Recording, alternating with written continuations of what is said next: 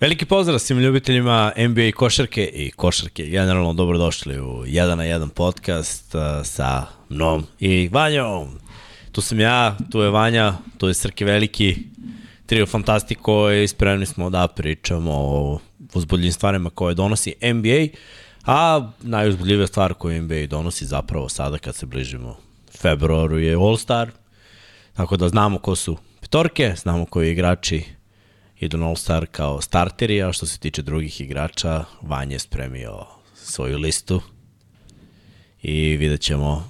I pričat ćemo malo ko je gde zaslužio. Takođe, uh, sezona znamo da se ozbiljno uozbilji, ozbiljno se uozbilji kada dođe ovaj februar i kada dođe All Star, pa nakon toga ćemo pričati o trade deadline-u i ko bi mogao gde da ode. I naravno sledeće nedelje očekujemo da te neke finalne promene rostera prokomentarišemo i nadamo se da nećemo biti sami vanje, ali da ćemo imati jednog gosta kog ste tražili i sa kojim nam je naravno uživanje da pričamo o NBA košarci.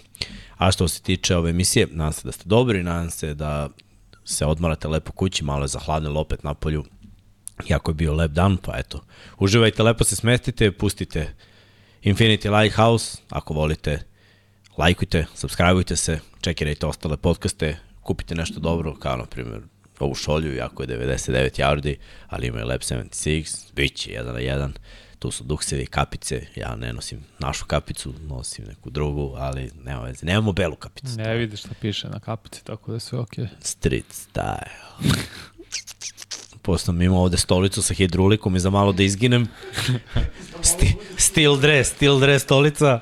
Za ja. malo da završim pozadi u televizoru, ali Pravi na vreme, rider. Na vreme. Prvo kusa i vrelu čorbu. Ovaj, prvo duni. Tako da sam izvalio ovaj, šta je loše i eto, zamenio sam, zato me vidite malo na crvenoj stolici, ali nema veze. Stapam se svojim crvenim ekipama, malo sa Bullsima, malo sa Raptorsima. A eto, možemo pričamo o svemu i svačemu, naravno, posljednjih Poslednji segment posvećujemo vama, pa vi pitite, pustite šta god vam je volja. A ajde da krenemo malo All-Star igračima. All Star, eto, sad Srki je prešao. Šalim smo. A šta je teo, šta je teo Srki prvo? Možemo čemu god želiš. Možemo re, o čemu god želiš ti, samo kaži temu i mi ćemo o tome pričati. Pa ajde, birali su, birali su ljudi ove igrače, glasali, pa da vidimo ko je tu. Koji igrači će biti izabrani za All-Star. Dobro, već znamo koji su starteri. Tako je. Igrači koji su dobili najviše glasova, oni su ovaj poznati. Najveće iznenađenje u odnosu na prethodne godine, Steph nije starter. Pa dobro, vremena se menjaju nekako. Sve se menja sem očigledno činjenica da je LeBron večni starter. To se nikad neće promeniti sve dok je u NBA-u čovek. Nije da nije za, nezasluženo ali svako je možda mogo Anthony Davis pre njega, da, Steph Curry nije starter, startuju Shea Gilgis, Alexander, Luka Dončić, po meni potpuno zaslužena dvojica MVP kandidata, trenutno ove godine igraju bolje nego Steph Curry, jeste to opet izbor popularnosti, plako, Srki, plako. Polako doćemo do toga. Nevanjeno, nevanjeno list. Ovo je... Polako doćemo do Zvanično, zvanična lista. Ovo je zvanična petorka i da, 50% glasova donosi publika, 25% igrači, 25% medija, to je eksperti iz medije, iz medija, tako da, eto, zbog tih odluka smo i dobili so, skroz zasluženo, opet, Shea Gilgis, Aleksandar, Luka Dončić, naravno da potpunimo Jokić, Durant, Lebron na da. zapadu. KD je za, za neke iznenađenje, KD je pokidao do sadašnjeg pa dela sezona. Mislim da je apsolutno zaslužio da bude tu, možda ja ga ne bi stavio, stavio možda pre Kavaja Leonarda ili Antonija Davisa, ali stvarno je zasluženo i zapad je toliko krcati, vidjet ćemo posle doćemo do tih ostalih imena na istoku. Manje više sve očekivano što se tiče makar front korta, visokih igrača, Tatum, Embiid, Janis, to je već poslednjih dve, tri godine uspostavljena uh, velika trojka što se tiče all-star igrača na istoku. Što se tiče bekovske pozicije, to je bilo zanimljivo. Lillard, Halliburton, Tyrese je apsolutno zaslužio, igra zaista sjajno plusa održava u Indianapolisu, u domu Pacers, tako da je bilo neko za očekivati, ako već igra odlično da bude starter, ali iskreno meni Lillard pre Jalena Bransona uopšte nije imalo smisla. Na kraju taj glas publike presudio u korist Damiena Lillarda, ali Branson izgleda fenomenalno, izgleda kao MVP kandidat. Ja ne pamtim kad su Nixi bili ovoliko dobri, morao sam da istražim, ja, 14 pobjeda u januaru, najviše od 94. za njih u tom mesecu imaju preko, to je sad su čini mi se treći na istoku sa 31 pobedom, 17 poraza, nisu imali 30 pobeda u januaru, opet od te 94. godine kad su stigli do NBA finala, tako da Knicks igraju odličnu košarku, Branson dominira, kida kako igra i samo bi tu zamenio njih dvojicu Lillard, svako zaslužuje da bude all, da bude all-star igrač, ali ne nužno kao starter. To, to. Pa dobro, što se tiče zapadne konferencije, znaš šta mi je čudno? Znaš koji je najprodovaniji dres u ligi? Uh, znam, Stefa Kari. I ljudi kupuju najviše njegov dres i čovek i dalje kida. Mislim, ekipa se malo raspada. Dobro, malo si njegova igra bila u padu neki mesec dana, da se razumemo. Brate, i dalje kida. E, okej, okay, kida, ali ne kida na nivou Šeja i... Pa neki da ne Lebron. Pa neki da, ali... Ali opet obezbedi mesto na našoj startnoj petorci. Ne znam. Ja, ja, bi, ja, ga ne bi ja mnogo volim, ja mnogo, mnogo volim Stefa i mislim da, da je stvarno jedinstven igrač.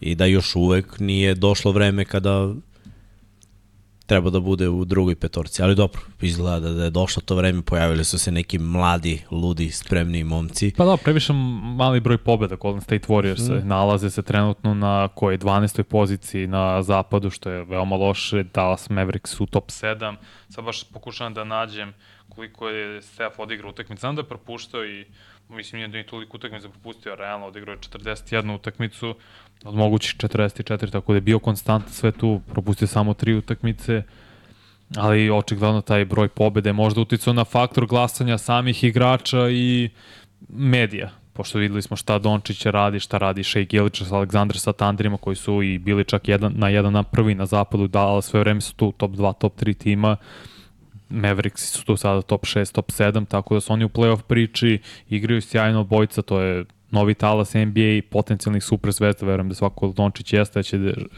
SGA stići do toga. Tako da meni nije za neočekivane. Znaš, da bude u drugom planu Steph Curry. Vidjet ćemo sutra kada budu bile proglasane, to jest izglasane i rezerve, šta su odlači, odlučili treneri, ko će biti rezerva na zapadu istaku, šta zapravo svi misle o tim starijim igračima, verujem da će Stef pronaći svoje mesto. Ma da, to mora da se desi. Inače, gasi podcast. Ne, Stef ne bude ovo star, ja se ne pojavljam više. Stvarno nema smisla. Ali ovaj, da, mi imamo neku uh, naravno naviku da se uvek petljamo u ove odluke, naravno ja, to i mog preko puta da. mene. Lor, ne, ja podržavam isto te izbore za, za All Star, prvi timove i to mm -hmm. mogu da kažem svoje mišljenje, nije da ono jako bitno ili nekome uopšte bitno, a eto imate svoje, ja imam svoje, Vanja ima svoje i zato imamo ovaj podcast da malo pričamo o tome šta mi mislimo. Pa ajde da vidimo tu Vanjinu listu igrača koji bi mogli da budu ajde, u All-Star izboru. Ajde krenemo sa zapada sa tog prvog zapada. Znamo, znamo petoricu Dončić, SGA, LeBron, Jokić i Durant, oni su starteri. Što se mene tiče, sedam igrača koji bi trebalo da budu rezerve jesu Anthony Edwards, Minnesota je prva na zapadu, on je njihov najbolji igrač, igra kao realno top 10 igrač ove godine, Devin Booker igra sjajno za Phoenix Suns, uz Dorenta su tu odmah ono, igrač 1-2 nema sad velike razlike, čak i Booker predvodi tim po broju postignuti pojena po meču, Steph Curry, već smo pričali o njemu, Kawhi Leonard koji igra skoro sve utakmice, Clippers izgledaju nesustavljivo od 1. decembra, 22, 22 pobede, 5 poraza, Anthony Davis koji igra fenomenalno, propustio samo tri utakmice, odigrao najviše utakmica u poslednjih kalendarskih godinu dana, što je za sve pohvale u NBA-u, a kritikovali smo ga da je propuštao veliki broj utakmica i pričat ćemo o tome malo kasnije. I na kraju tandem iz Sacramento Kingsa, uh, Tomanta Sabonis i De'Aaron Fox. Baš sam dugo razmišljao o tome ko bi bio i vidjet posle ime, imena koje su bila u razmatranju, ne moramo to sad odmah kad prođemo obe konferencije, ali ne mogu da ignoričem činjenicu da i ove godine Sacramento se nalazi u playoff priči, trenutno je peti na zapadu, 27 pobjeda, 18 poraza samo i opet Fox izgleda sjajno, ima fenomenalne brojke sa Bonis čovjek, ono što radi maltene iz meča u meč, piše istoriju. Malo malo pa ima neki nevjerovatan triple-double, malo malo pa ima 20 pojena, 25 skokova. Sajsa, ti kad gledaš njegove brojke u proseku, to je skoro 20 pojena predvodi NBA po broju skokova sa blizu 14, ima 7 asistencija, to je nerealno. I mislim da bi trebalo bojce da budu i sada ljudi misle, ok, kako je Sacramento ima dva predstavnika, nalaze se na petom mestu Minnesota, ima, je prva većinu godine, maltene od 19. novembra je bila sva, svaki dan prva sem tog jednog dana kada su Tanderi bili na prvom mesto što se tiče zapadne konferencije. Ali Carl Anthony Towns je tu, on je i opet u razmatranju. Razmišljao sam o njemu, razmišljao sam o Shengunu takođe iz Houston uh, Rocketsa, o Paulu Georgeu, nema uopšte ni blizu Zajona, Brandona Igrama, na primer. Tako da ima još tih 5-6 igrača sa zapada koji bi možda mogli da ugrabe te poslednje dve pozicije, ali za mene bi, će biti teško pre Sabonisa i pre Foxa da budu All-Star rezerve. Što se istočne tiče, šta ti je zanimljivije, koja ti je zanimljivija, istočna ili zapadna? Zapadna je teža. Istočna je mnogo lakše za predviđenje i tu se možda razlikujemo svi oko jednog igrača. U principu, naravno, Halliburton, Lillard, Antetokounmpo, Embiid i Tatum su starteri. Maxi mislim da je zaslužen all-star igrač ove godine i izgleda sjajno, baš je napredovao glavni kandidat za igrača koji je najviše napredovao ove godine, da ubacio bi tu priču Kobija White takođe iz Chicago Bullsa. Zatim Jalen Brunson koji je trebao da bude start po mom mišljenju, tu je i Mitchell koji predvodi Cavaliers, ako je propustio čini mi se za sada 12 do 14 utakmica, ali kako igra Cleveland u poslednje vreme, pored Nixa najbolji tim na istoku od nove godine, od nove kalendarske godine, tako da je svakako zasluženo. Tu je Trey Young, mnogima se to neće svidjeti, ni ja nisam bio nešto preterano oduševljen, ali kada, kada poredim sa ostalim igračima, opet, ovo je stvar šta ljudi žele da vide. Ja ne mogu da ignorišem, jako je Atlanta loše, imaju negativni broj, odnos između broja pobjeda i poraza, činjenicu da Trae Young ima skoro 28 pojena i 11 asistencija to što on radi zaista nesvakidašnje, ne utiče toliko na pobed zato što je Atlanta loša organizovana ekipa. Bankero s druge strane što se tiče Orlando Magica mislim da mora da bude kao jedan od mladih igrača, mladih nada same lige. Orlando je u priči za playoff, igraju sve vreme, veoma dobru košarku, vratio se i Franz Wagner, Julius Randle apsolutno mora da bude što se tiče Nixa, opet teško ignorisati čoveka koji ima 24-9 i preko pet asistencija. Ljudi ga možda ne vole, ne sviđa im se njegov stil igra, ali čovjek je produktivan, igra skoro sve utakmice, pomaže Nixima da budu jedan od najboljih timova na istoku uz Jelena Bransona, apsolutno zasluženo i Bema Debajo, Miami Heat, mislim da Bam imao jednu veoma dobru godinu ispod radara, Miami jeste izgubio poslednjih 7 ili 8 utakmica, tako da se oni nalaze u nekoj uh, nekarakterističnoj te teritoriji za njih, ali Adebayo ima jednu veoma dobru godinu i neophodan je, tako, je jedan visoki igrač da upotpuni o, ovu All-Star, ovaj All-Star tim istoka. Hmm, zanimljivo. S čime se slažeš, čime se ne slažeš? Nemam nikakav problem, svi, svi mogu da budu, nego samo mislim, evo, na zapadu mislim da imamo jednog igrača koji mora bude All-Star. Slušaj. Vembi. Ne mogu da ga stavim kao mm. posljednjeg. Ja kapiram zašto ne možeš, ali verujem da će on biti All-Star. Zašto? Zašto? će ga trener izabrati? Da. Ne samo trener, bit će pritisak lige da ga trener izaberu. Uf. Zato što NBA gura uvek mladi igrač. I uvek kad neki ruki kida, mora bude All-Star. Umesto koga? Uh, Sabonis drugi igrač je Sakramenta, ništa posebno, odličan igrač, zaslužuje da bude All-Star, ali žrtva zato što je novi igrač, novo tržište je otvorio, mnogo je priče bilo o njemu, cele godine se priča. Od drafta, ne, nije uvek svake godine, nekad zaboravimo, tipa u decembru, januaru, priče o Rukiju, koji je bio prvi pik. Znaš, jednostavno zabor, ne priča se toliko. Ovde je krenulo dva meseca pre drafta, pa draft, pa posle drafta, pa pre sezone, pa u toku sezone. Nije uvek pozitivno što se priča, ali se priča sve vreme.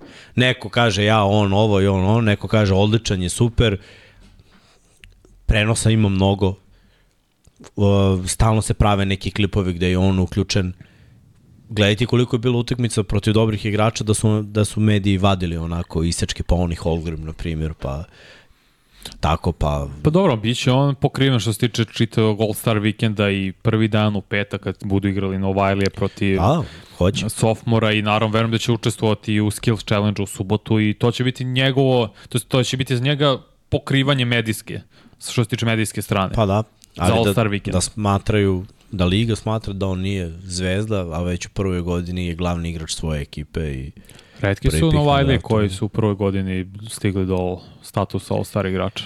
Baš redki. Pa, ako želiš da bude veliki, bili su. Mislim, je LeBron bio u ruki Nije. sezoni. U ono vreme Nije bio. nije se desilo. Ali, Bio je Blake Griffin, ali koliko godina kasnije. bio je Tim Duncan, Dobro, Tim Duncan je baš bio rano. U to je eri. 98. Da, da. Ali pogledaj 7, kako, 8. kako se menja sve u posljednjih 10 godina. Pa znam, Baš su naklonjeni, baš su naklonjeni mladim igračima. Posle, da li je bio Ben Simmons posle Bena, posle Bože Bena, posle Blakea Griffina kao Novajlija, ne mogu da se setim iskreno, ali opet i Griffin i Simmons su zapravo bili u njihovoj drugoj godini, jer su prvo propustili zbog Da. povreda. Tako da ne mogu da se setim pored tima Duncana, koji je u da poslednjih, ajde da kažemo, 30 godina Shaquille O'Neal je bio, ali da uzmemo uzorok taj poslednjih Tatum je bio 30. All-Star u ruki godina. Nije, Jeste. nije sigurno, Sigurno. 100%, Nije bio. nije. Sad ćemo provjeriti. Igra u play-offu, iskidu godinu i nije bio, a? Pa nije baš iski bio, mislim da nije. Mislim, dobar je bio. Sad, naravno, za, za ruke je iskido to. Ja kak ne, ne poredim ga sa svim drugim zvezdama, nego za ruke. Mislim, iskreno meni Vembik da On nije za, belaže 14-5 skoko i jednu i postenciju, nije sigurno bio All-Star igrač. Mislim da je bio All-Star igrač tek u trećoj njegove godine. Znači prve dve je propustio garant. to. Mislim da je tako Janis bilo. nije bio u prvim godinama, Nije. Stef nije, Jokara nije. Nije. Ne, mislim, Griffin je bio, kažem ti, mislim da je bio Ben Simmons u prvoj njegovoj godini, kao, zapravo godini kao Novajlija. Shaq, Tim, ću vidim da li, šta sam, da li sam pogrešio, NBA Rookies as All-Stars. Je Luka bio, brat? Moguće da je bio Luka, da. Viš, to mi sad razmišljam o tome. Mislim da je bio Luka. Luka je već bio zver u prvoj godini. Nije. Viš ti to? Mada ovo je... Pa nije, nije, vidiš. Blake Griffin, Yao Ming, Tim Duncan, Shaquille O'Neal, mislim da je bio Grant Hill isto onda. Nije, nije bio Luka, vidiš ti, to je baš čudno.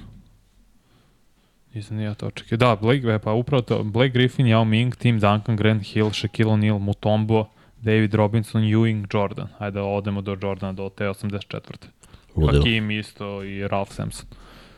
Tako da nije, baš je poslednji put je znači od Griffina od 2011. i tog All Star u LA-u, tačno se sećam kada je bilo ono skakanje preko Kia automobila, njegov All Star, mm. hype od Bryanta, Bryant je tad bio MVP All Star utakmice zato što se održavalo u LA-u. Tad su Miami oformio veliku trojku, Derrick Rose ima one posebne žute patike za, taj, za tu All Star utakmicu, hype oko njega, tako da je to bio odličan, odličan All Star meč. Na istoku, pa možda malo star power. Ali nema puno, to, to je problem. Jer Nije stavio Jimmy Butler. pa, propustio previše utakmice, skoro 20. Baš ne mogu da ga stavim, kao je propustio ovo 20 od Neće 47 utakmica. Scotty Barnes kao mlada nada. Teško zbog Toronto i njegove, njihove pozicije na istoku trenutno. Gori su nego Atlanta. 12. Jal- Jalen Brown. E, to mi je bio Samo si najveći stavio problem. jednog igrača iz Pa znam, Bostona. I to, i to mi Boston je je najveći problem, jer. Boston, kada pogledamo realno ostatak petorke pored Tatuma, može da se napravi realan uh, slučaj da oni imaju pet od najboljih 20-22 igrača na istoku. Brown, Porzingis, Derek White, Drew Holiday. Zaista to može da, stvarno da kažeš objektivno, imaju petoricu od najboljih 20-25 igrača na istoku. Ali Brown nema tu godinu kao što imaju, ne znam, kao sa kada ga poredimo, Bankero i tako malo mi je ispod radara, malo je nekonstantan, 22 poena, Pa znam, brate, ali imaju pet igrača. znam. Nema I dve verujem, da, lopte. i verujem, znam, i verujem da će biti on all-star igrač. Ili on ili Porzingis. Zavisi kome šta prija, ko ima veći uticaj po mišljenjima trenera na samu igra. Mislim da Porzingis ima mnogo veći uticaj trenutno nego Brown. Neko koji stvara separaciju, neko koji pravi mismečeve ofanzivno, defanzivno, brani odlično. Ali i, Brown je svake godine All-Star. Skoro. Skoro, pa da. Da, ne, Porzingis baš dugo nije bio Jeste. Jeste. u priči. Ne, nije bio, mislim, od Niksa. Jedin Prošlo je je bio. bio 4-5 godina, ako se ne varam. Je li tako? Minimalno. Minimalno, moram da vidim kad je to poslednji put bio. Ali, Brown je od ono Rising Star, kada je bio sve vreme nekako konstantan tu u priči, pojavljuje se, računaju na njega, mislim. Važi za, važi za neku zvezdu. Jeste, 2018. je bio Porzingis. Porzingis, pa pre šest godina. Ne, verovatno će biti Brown. Ja samo ne mogu da ga zamislim baš zato što je tolika konkurencija i toliko odličan tim, odlična petorka Boston Celticsa da bude i on. Možda će, bi- možda opet ja grešim, bi videli smo slučaj sa Atlanta Hawksima kad je njih četvorice bilo all-star igrače. Zasluženo, nezasluženo, stvarno neću da zalazim i u to, ali su imali četiri all-star igrača. Imali su i Celtics 2010. mnogo zvučnije imena, ali su imali četvoricu all-star igrača, računajući Ronda i veliku trojku. No. Tako da je moguće sad za Celtics, ali ja ne vidim trenutno na istoku, jer koga, da li da onda izbacim bankera, da li da izbacim Treja Younga, možda. Možda nekog od njih dvojice bih trebao da izbacim, ali mislim da su oni zaslužili više malo nego Brown, bož, za, Brown strada zbog timskog uspeha Celticsa. Jer imaš toliko, pored opet, i Derek White radi sjajan posao po nekima, on treba bude all-star igrač, jer igra vrhunsku odbranu, doprinosi na načine koje sama statistika ne kaže, ja se s time slažem. Vidimo kako igra odbranu, kako i ofanzivno je napred ovo godinama unazad. Prozingis sve sam objasnio šta sve radi i na, u napadu i u odbrani. Jason Tatum je super zvezda. Jalen Brown deluje kao da se malo pogubio u svemu tome. I on i zapravo Drew Holiday. Ali opet, to je, to je moje mišljenje. Mislim, možemo Srki da pustiš ovu listu koja je raz, u, u igrači u razmatranju po šestorici iz svake konferencije. Kad nađeš? Da, kažu ljudi ove godine Maxi je bolje od Browna, jeste Maxi kida, ali Maxi je drugi igrač u svojoj ekipi, a Boston Ne, ne. igra Igrači u razmatranju. totalno drugu totalno drugačije igra Boston. Igraju timski, zato malo trpi statistika i Tatum je tu Tako je. najkonstantniji, ali su i ostali rade posao, mislim. Stavi Jelena Browna u neku ekipu da bude glavni igrač, može bez problema. Bio je dva puta All-Star igrač Brown 2021. i 2023. prošle godine. No. Znači nije bio sa pretredno puno kao Tatum koji je čini se da mu ovo šesta, šesti ili sedmi put, ali opet Da. to je kad se nalaziš u toj ulozi drugog neka trećeg igrača. Ne možeš samo da, pogotovo u ovoj situaciji koji su trenutno Celticsi, da iskažeš svoj pun potencijal, a opet to je Brown birao, prihvatio i ugovor od 300 miliona. Produžio ugovor bez ikakve problema. Mm. Tako da nekada individualni, do, individualna dostignuća će trpeti. Možda to Dobro. neće biti Cepi. što cep. Ok.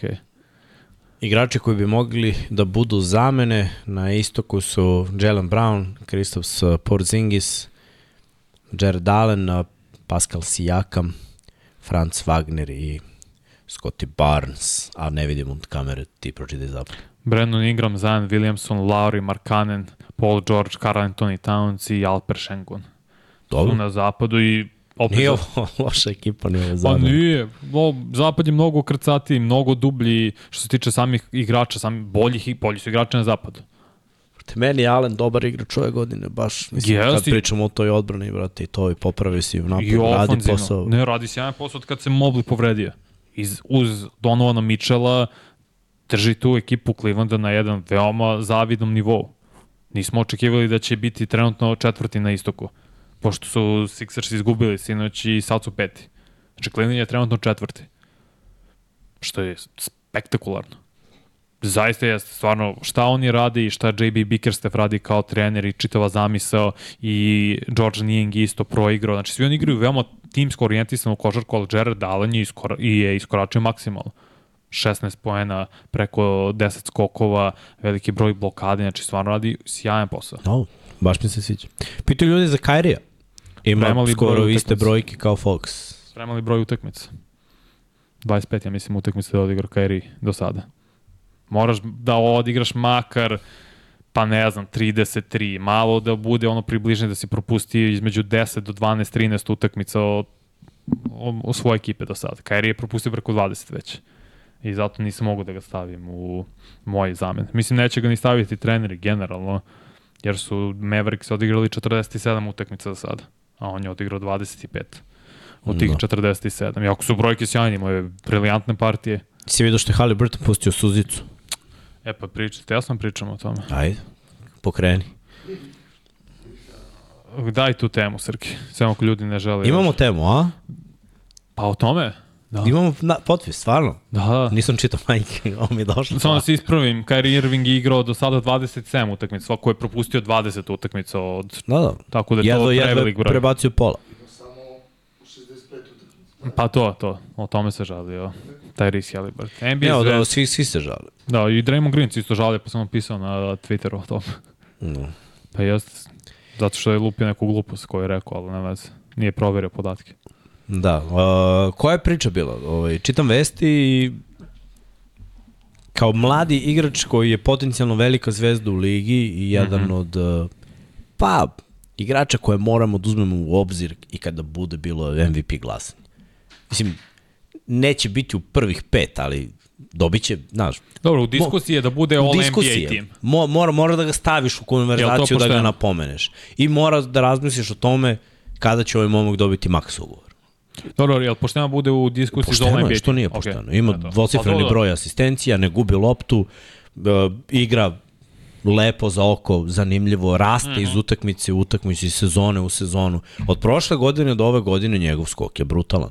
Unapredio je uh, šut, ne tehniku, nego preciznost šuta, uzima šutevi iz driblinga, na obe strane, zna da odskoči lateralno. Znaš, sve ima. I visok je i lepo ide i na prodor. Stvarno je napredio i svoju igru i igru ekipe. Jasno. Zato zaslužuje i da dobije kintu i da dobije priznanje. E sad, povredio se, E, ja razumem u čemu je njegova priča. E, On misli da nije fair zato što NBA traži da se ispuni kvota igranja 65 utakmica. Što znači da igrač po sezoni može da propusti manje od 20. 20 utakmica u NBA-u može da se odigra za 3 nedelje. Šta ako se ozbiljnije povrediš? Dobro, pretira ga sad. Ne, može za tri nedelje 20. Pa ne može, ali aj mesec dana neka bude. Pa, ajde, malo jače. Malo je. Evo, Nix su sad odigrali 16 utakmica u januaru. Mislim, ako 65 igraš, koliko ti ostaje? 17. 17 Je da 17 propustiš. možda odigraš za mesec dana. U teoriji, da. U teoriji. Da je svaki drugi dan. Nije, naravno, ali ajde Kažete, da kažem. Nixi su sad odigrali 16 u januaru. Tako. Uh, kad se povrediš ozbiljno, treba da pauziraš. Ne možeš da treniraš u fullu, treba sigurno da odmaraš. Naročito ako pukne neki mišić ako istegneš, to, to je problem. I sad, ako se to, na primer, desi, to je, mislim, splet nesrećnih okolnosti. Ti se povrediš, ne možeš da se oporaviš na vreme, nisi još 100%, ali zbog želje da dobiješ bonuse, zbog želje da možeš da budeš u selekcijama, All-Star, uh, prvi tim, drugi tim, treći tim, da dobiješ maks ugovor, moraš da se vratiš na teren. E, Rizikuješ da ta povreda se ne zaleči, nego da postane još e, opasnija. I nakon toga možda i da sledeći put pauziraš umesto mesec dana dva meseca ili tri meseca. Ili možda sledeći put ne, ne pukne mišić, sledeći put možda puknu ligamenti. Ili, znaš, se, se povrediš ozbiljno i zbog toga izgubiš mnogo para na mnogo godina. I izgubiš zalet, jer on je trenutno u vrhunskom zaletu. Mm -hmm. Prehodna godina, dobra za njega, leto, svetsko prvenstvo, ok, skupio iskustvo, ova godina odlična za njega, vodio ekipu, igrali in season turnir do kraja, jedan je od boljih mladih playmakera u ligi. Sada ako bi napravio pauzu, bio bi problem. Ali opet, mislim, nije njegova krivica, Nije. ali ljudi su mnogo odmarali. Igrači su često i zdravi sa nekim smešnim povredama tipa boli me lakat ili malo me zateže loža ili nešto, šta da. god. Propuštali utakmice. Isto. I propuste 1, 2, 3, 4, 5, 6, 10, 20 i dalje dobijaju sve. I Liga morala da reaguje. Zašto Liga reaguje? Pa mora da reaguje u želji da se zaštiti posmatrač, gledalac, običan čovek.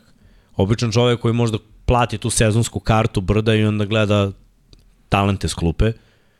Ili, znaš, kupi kartu da gleda zvezdu, a zvezda se ne pojavi mesec dana ili manje, ali opet to, to puno košta.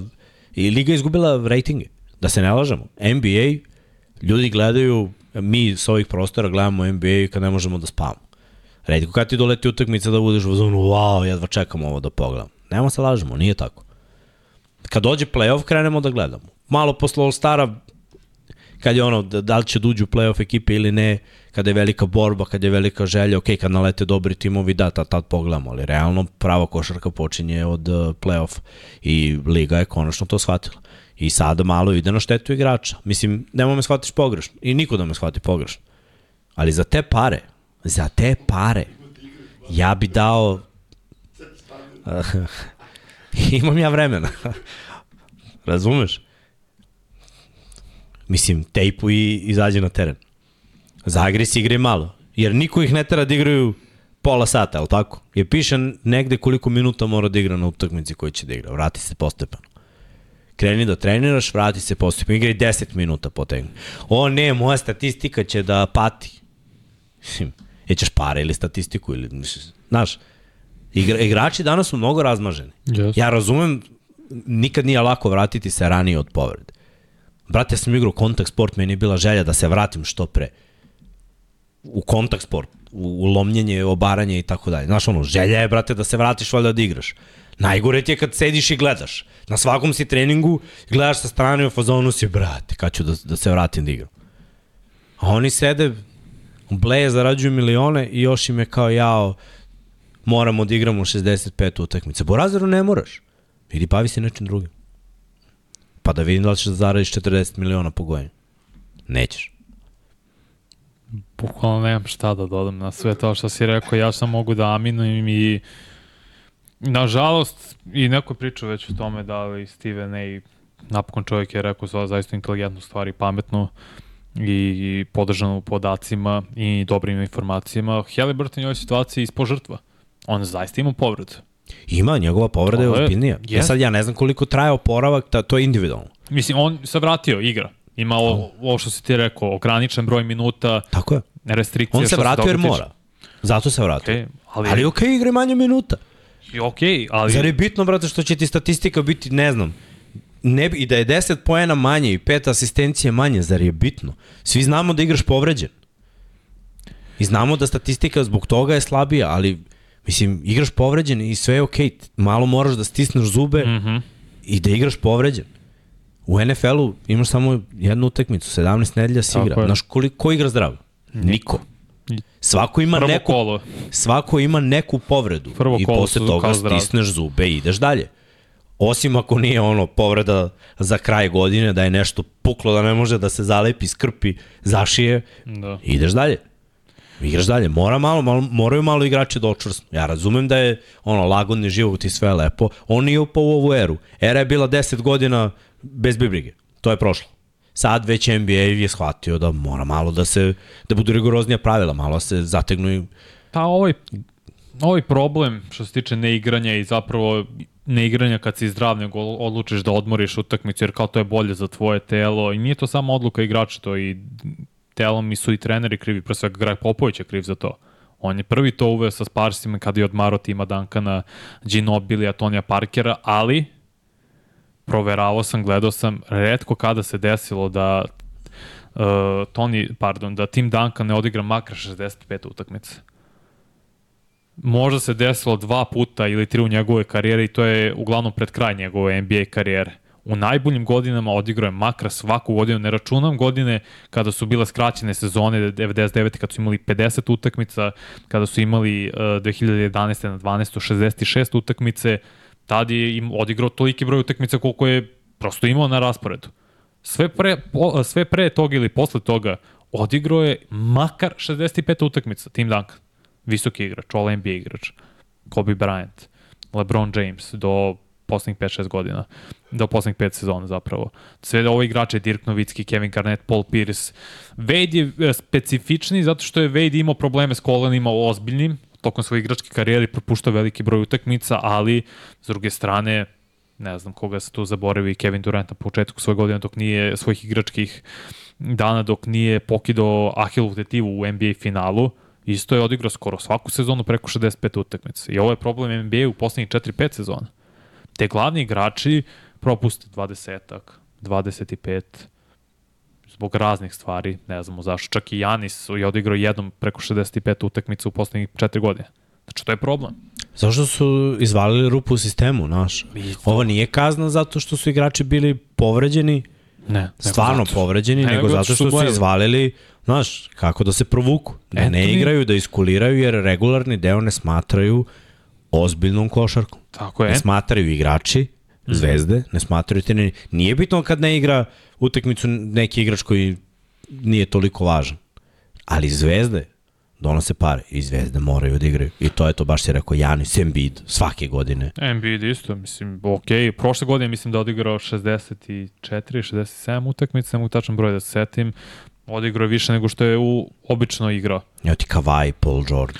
Pazi, Kawhi opet Kawhi okay, ima... On je, on je povređen, sve stoji. On ima te atletične Ali to su kolena. igrači koji imaju pare, jel tako? Yes. Dobili su ozbiljne Tako plate i ja da sam u LA-u i da hoću da gledam. Zamisli, u LA-u sam i kupim kartu za Lakers-e i kupim kartu za Clippers-e i ne igraju LeBron i AD, a ovamo mi ne igraju Kawhi i George. I zašto sam ja kupio kartu? Pa bolje sam ostao u Evropi i vodim i gledam Zvezdu i Partizan. Gledaš Terenca Mena. Brate, da se ne lažem, nije u redu. Ne, ne, uopšte Nije u nije redu prema navijačima, nije u redu prema tom regularnom delu koji uopšte nije kompetitivan. I onda izmišljaju Nije. in-season turnire A tad su mogli da igraju. A tad je bilo i oštra košarka, i agresivna, i fizikalna, Mhm. i manji broj poena, tad je moglo da se igra uh, mnogo žustrije, sa mnogo većom željom, šta zato što je samo, za njih je to samo, da se razume, to je za njih samo, 500.000 dolara.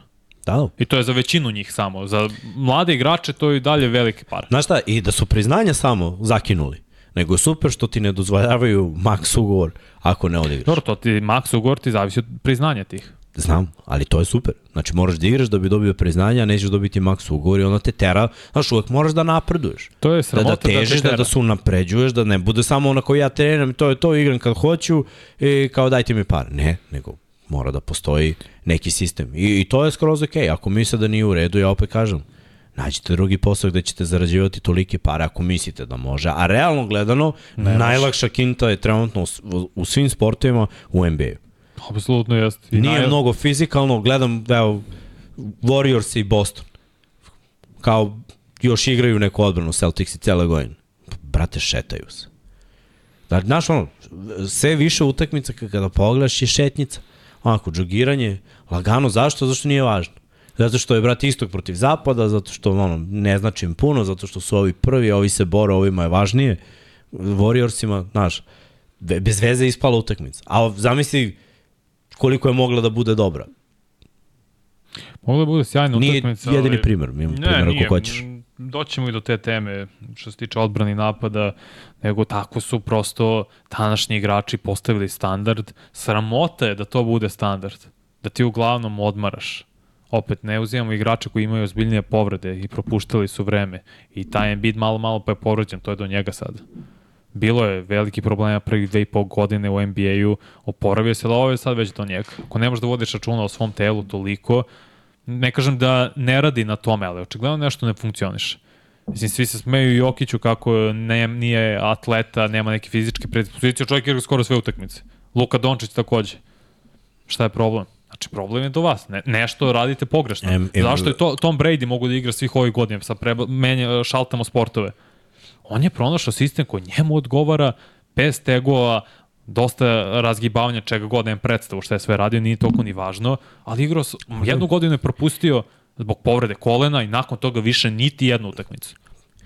Znači, može A ta se. povreda kolena je bila zašto mu je neko uletao u koleno, Tako je, ne, znači- zato što je se on povredio samo inicijativ. Inače, je.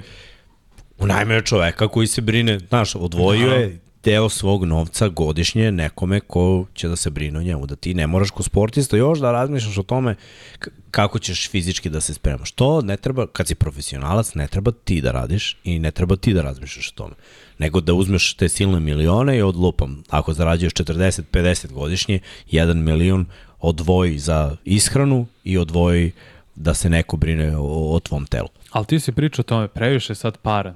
Nemaju brige oni. Nemaju 80-ih, 90-ih, 2000-ih, kad je malo veće zbog Jordana krenulo ekspanzija, internacionalni sport i tako dalje, mnogo više se svetski prati, veći su bili ugovori, njima je bila čast da igraju što više utakmice. Znači što više, ako može sve da se odigra u jednoj godini, super, ako ne da se odigra makar 70 utakmica od 82. Zašto neće manje broj utakmica? U regularnom delu su one. Vrlo prosto. Manje, ugo, manje utakmica, manje su TV ugovori. Manje para igračima na godišnjem nivou. Ja, Tome nikom ne odgovara. Manje para i NBA-u na kraju krajeva. Znači, sami su igrači ovo Pa kreirali. pogledaj tribine. Poloprazno, uglavnom. Da. Niko, Na pola, na, u pola hala je poloprazno. ljudi dolaze na tekmu čisto da ispoštuju. Dok ne dođe playoff. Kao, znaš, Ili ono, ne, kupio ili- sam sezonsku ili dosadno mi je, da li da pojedem... utakmica Boston-Denver, Denver-Milwaukee, pošto sad to uzimam, pošto je bilo skorije vreme, Denver-Indiana isto je bilo puno, tako dalje. Mislim, bez veze što Embiid nije igrao u Denveru. I što je to postala sada apsolutna sprdnja. Jer svi znaju da neće igrati. Pa onda morao da propusti sledeću utakmicu, da ne bi bilo da je samo propustio protiv Denvera, propustio, propustio pardon, protiv Portlanda, izgubili su to, izgubili sinoć, povredio se sinoć. I onda izlaze ljudi, Halliburton zbog toga izjavio ovo što je izjavio, da je sad mnogo teško i zahtevno i glupo pravilo da bude 65 utakmica. Pa da, hoću da se desi kao prošle godine da jedan Steph Curry i LeBron James igraju 55 i 56 utakmica budu u All NBA timu. To je bez veze. A, da. I Draymond Green isto rekao kao, pa evo, ovo je razlog zašto se je, previše se forsirao Embiid sinoć da bi odigrao taj broj utakmice, zato se povredio. I onda rekao, pa da je ovo pravilo bilo pre 7-8 godina, ja bih osvojio još jednu nagradu za najbolji defanzivni igrača, zato što je Kawhi odigrao 51 utakmicu. Prvo lagao je. Ajde da krenemo od toga. Znači, ja ne mogu smislim me Grina, ali on, pošto se predstavlja kao, med, li, uh, kao član medije, medija, pardon, i mi smo isto to, prvo, brate, odradi o, ovaj, Domaći. domaći. Video sam te dve godine. Kawhi Leonard jedne godine odigrao 72 utakmice, drugi 64. Kad si ti bio u toj priči za defensivnog igrača godine. Znači 51 nije bilo. Da, da, da je 65, a eto, za tu od Ok. 64 ne bi moglo, ali ovo prva ide Ok, lagano. vratno bi odigrao tu I jednu. naravno da bi odigrao da, da, Znači, da se razumemo. Da je znao. Ne, ne, ja kažem, ta, ta generacija između, ovo, da vratimo dve godine unazad, pa 10 godina od tog mesta, znači od 2012. do 2022. Mhm. mogli su da otkampuju da su hteli. Mogli su da iskuliraju utakmice kada su hteli i mogli su da dobiju priznanja koje bi im došle i ovako i onako. Uh, ok, totalno da to ne bude sada tako. Mislim, evo pogledaj, Ne može više da bude Pogledaj tako. koliko, ja se sećam, moram da poredim sportove, žao mi je za sve koji ne prate NFL-a, sećam se sezone Dešona Watsona kad se on povredio. Dešon Watson je pokidao kao ruki. 8 gola tih utakmica ili 4 koliko je bilo. Šta? Koliko je bilo utakmica? 4 ili 8 koliko je odigrao to je prvoj godini. Odigrao je više od osam. Je da? Da. Ali je stvarno polomio. Nije, nije pobeđivao, ali Vrhunski. video si ide bolje, ide Igrao kao bolje. nešto slično Straudu ove godine. Nije bilo, niko nije bio ni blizu njegovog nivoa razumevanja za, za rukija. Pokidao prednju ukrštene, završila se sezona. Nema priznanja. Piši propalo. Nisi odigrao sve. Da odigraš 13, piši propalo. Vrlo verovatno. Ne, ne računa se, nisi odigrao sve. I to je to. Pazi, ta, tamo se ide ono od, od, šest, od uh, 16 ili sad 17, mora, može da propustiš jednu. To je to. Toliko, toliko ti gledamo kroz prste. A ovde oni hoće da im se toleriše 20. To Nemoguće. je, četvrti, to, to je četvrtina sezona. 65 utakmica godišnje je totalno okej za te pare koje oni zarađuju. I ono, ja, ja ne mogu to da vidim drugačije. I uvek sam u principu na strani igrača, samo igrači stvarno nisu svesni ono, u svetu gde se nalazi kolike novce oni zapravo zarađuju, a koliko malo nama pružaju. Jer ja njih razumijem, oni verovatno misle da daju 100% i da je ono što igraju trenutno. što daju 100%. Oni to misle. Ofanzivno ne, ne, daju. on, oni to misle, nebitno. Kako god, neka, neka misle da, da daju i na treningu. Neka, njihovo je pravo da misle i, i da veruju da daju 100%. Ali ono što oni nama daju, mene ne zadovoljava. A Evo vi pišite u komentarima, da li vas NBA regularni deo sezone kako igrači igraju i to što starteri propuštaju utakmi, propuštaju utakmice, da li vas to zadovoljava? Da li pu- pustite onako sa željom utakmicu i budete u fazonu, ok, evo sad ću da gledam i vidite ne igraju dva najbolje igrače, budete u fazonu, ma nema veze, kao bit će vrh, bi, i dalje ću gledati utakmicu. Realno, volimo da gledamo zvezde. No, Je bi gledao Denver da Jokić ne igra. Zavisi. Nije ista ekipa, brat. Možda Znaš- bi gledao zbog Mare. Ja se smorim kad ga isključe, kad, kad ono, protestuje ili tako nešto, pro, upropaste mi utakmicu. Ali to se računa kao da igra. Ovo se računa kao da igra. Se Embiid može da propusti još pet utakmica? Još pet do kraja ove sezone. Halliburton još četiri. Sve preko toga nema nagrada. Nema MVP, najviše napredov, All NBA, prva, druga petorka, nevažno, nema toga. I mo- nadovezat ćemo se na sledeću temu i držat ćemo se svega ovo, jer je to usko povezano u vezi napada Srki. Da li je Liga previše orijentisana ofanzivno? I apsolutno jeste.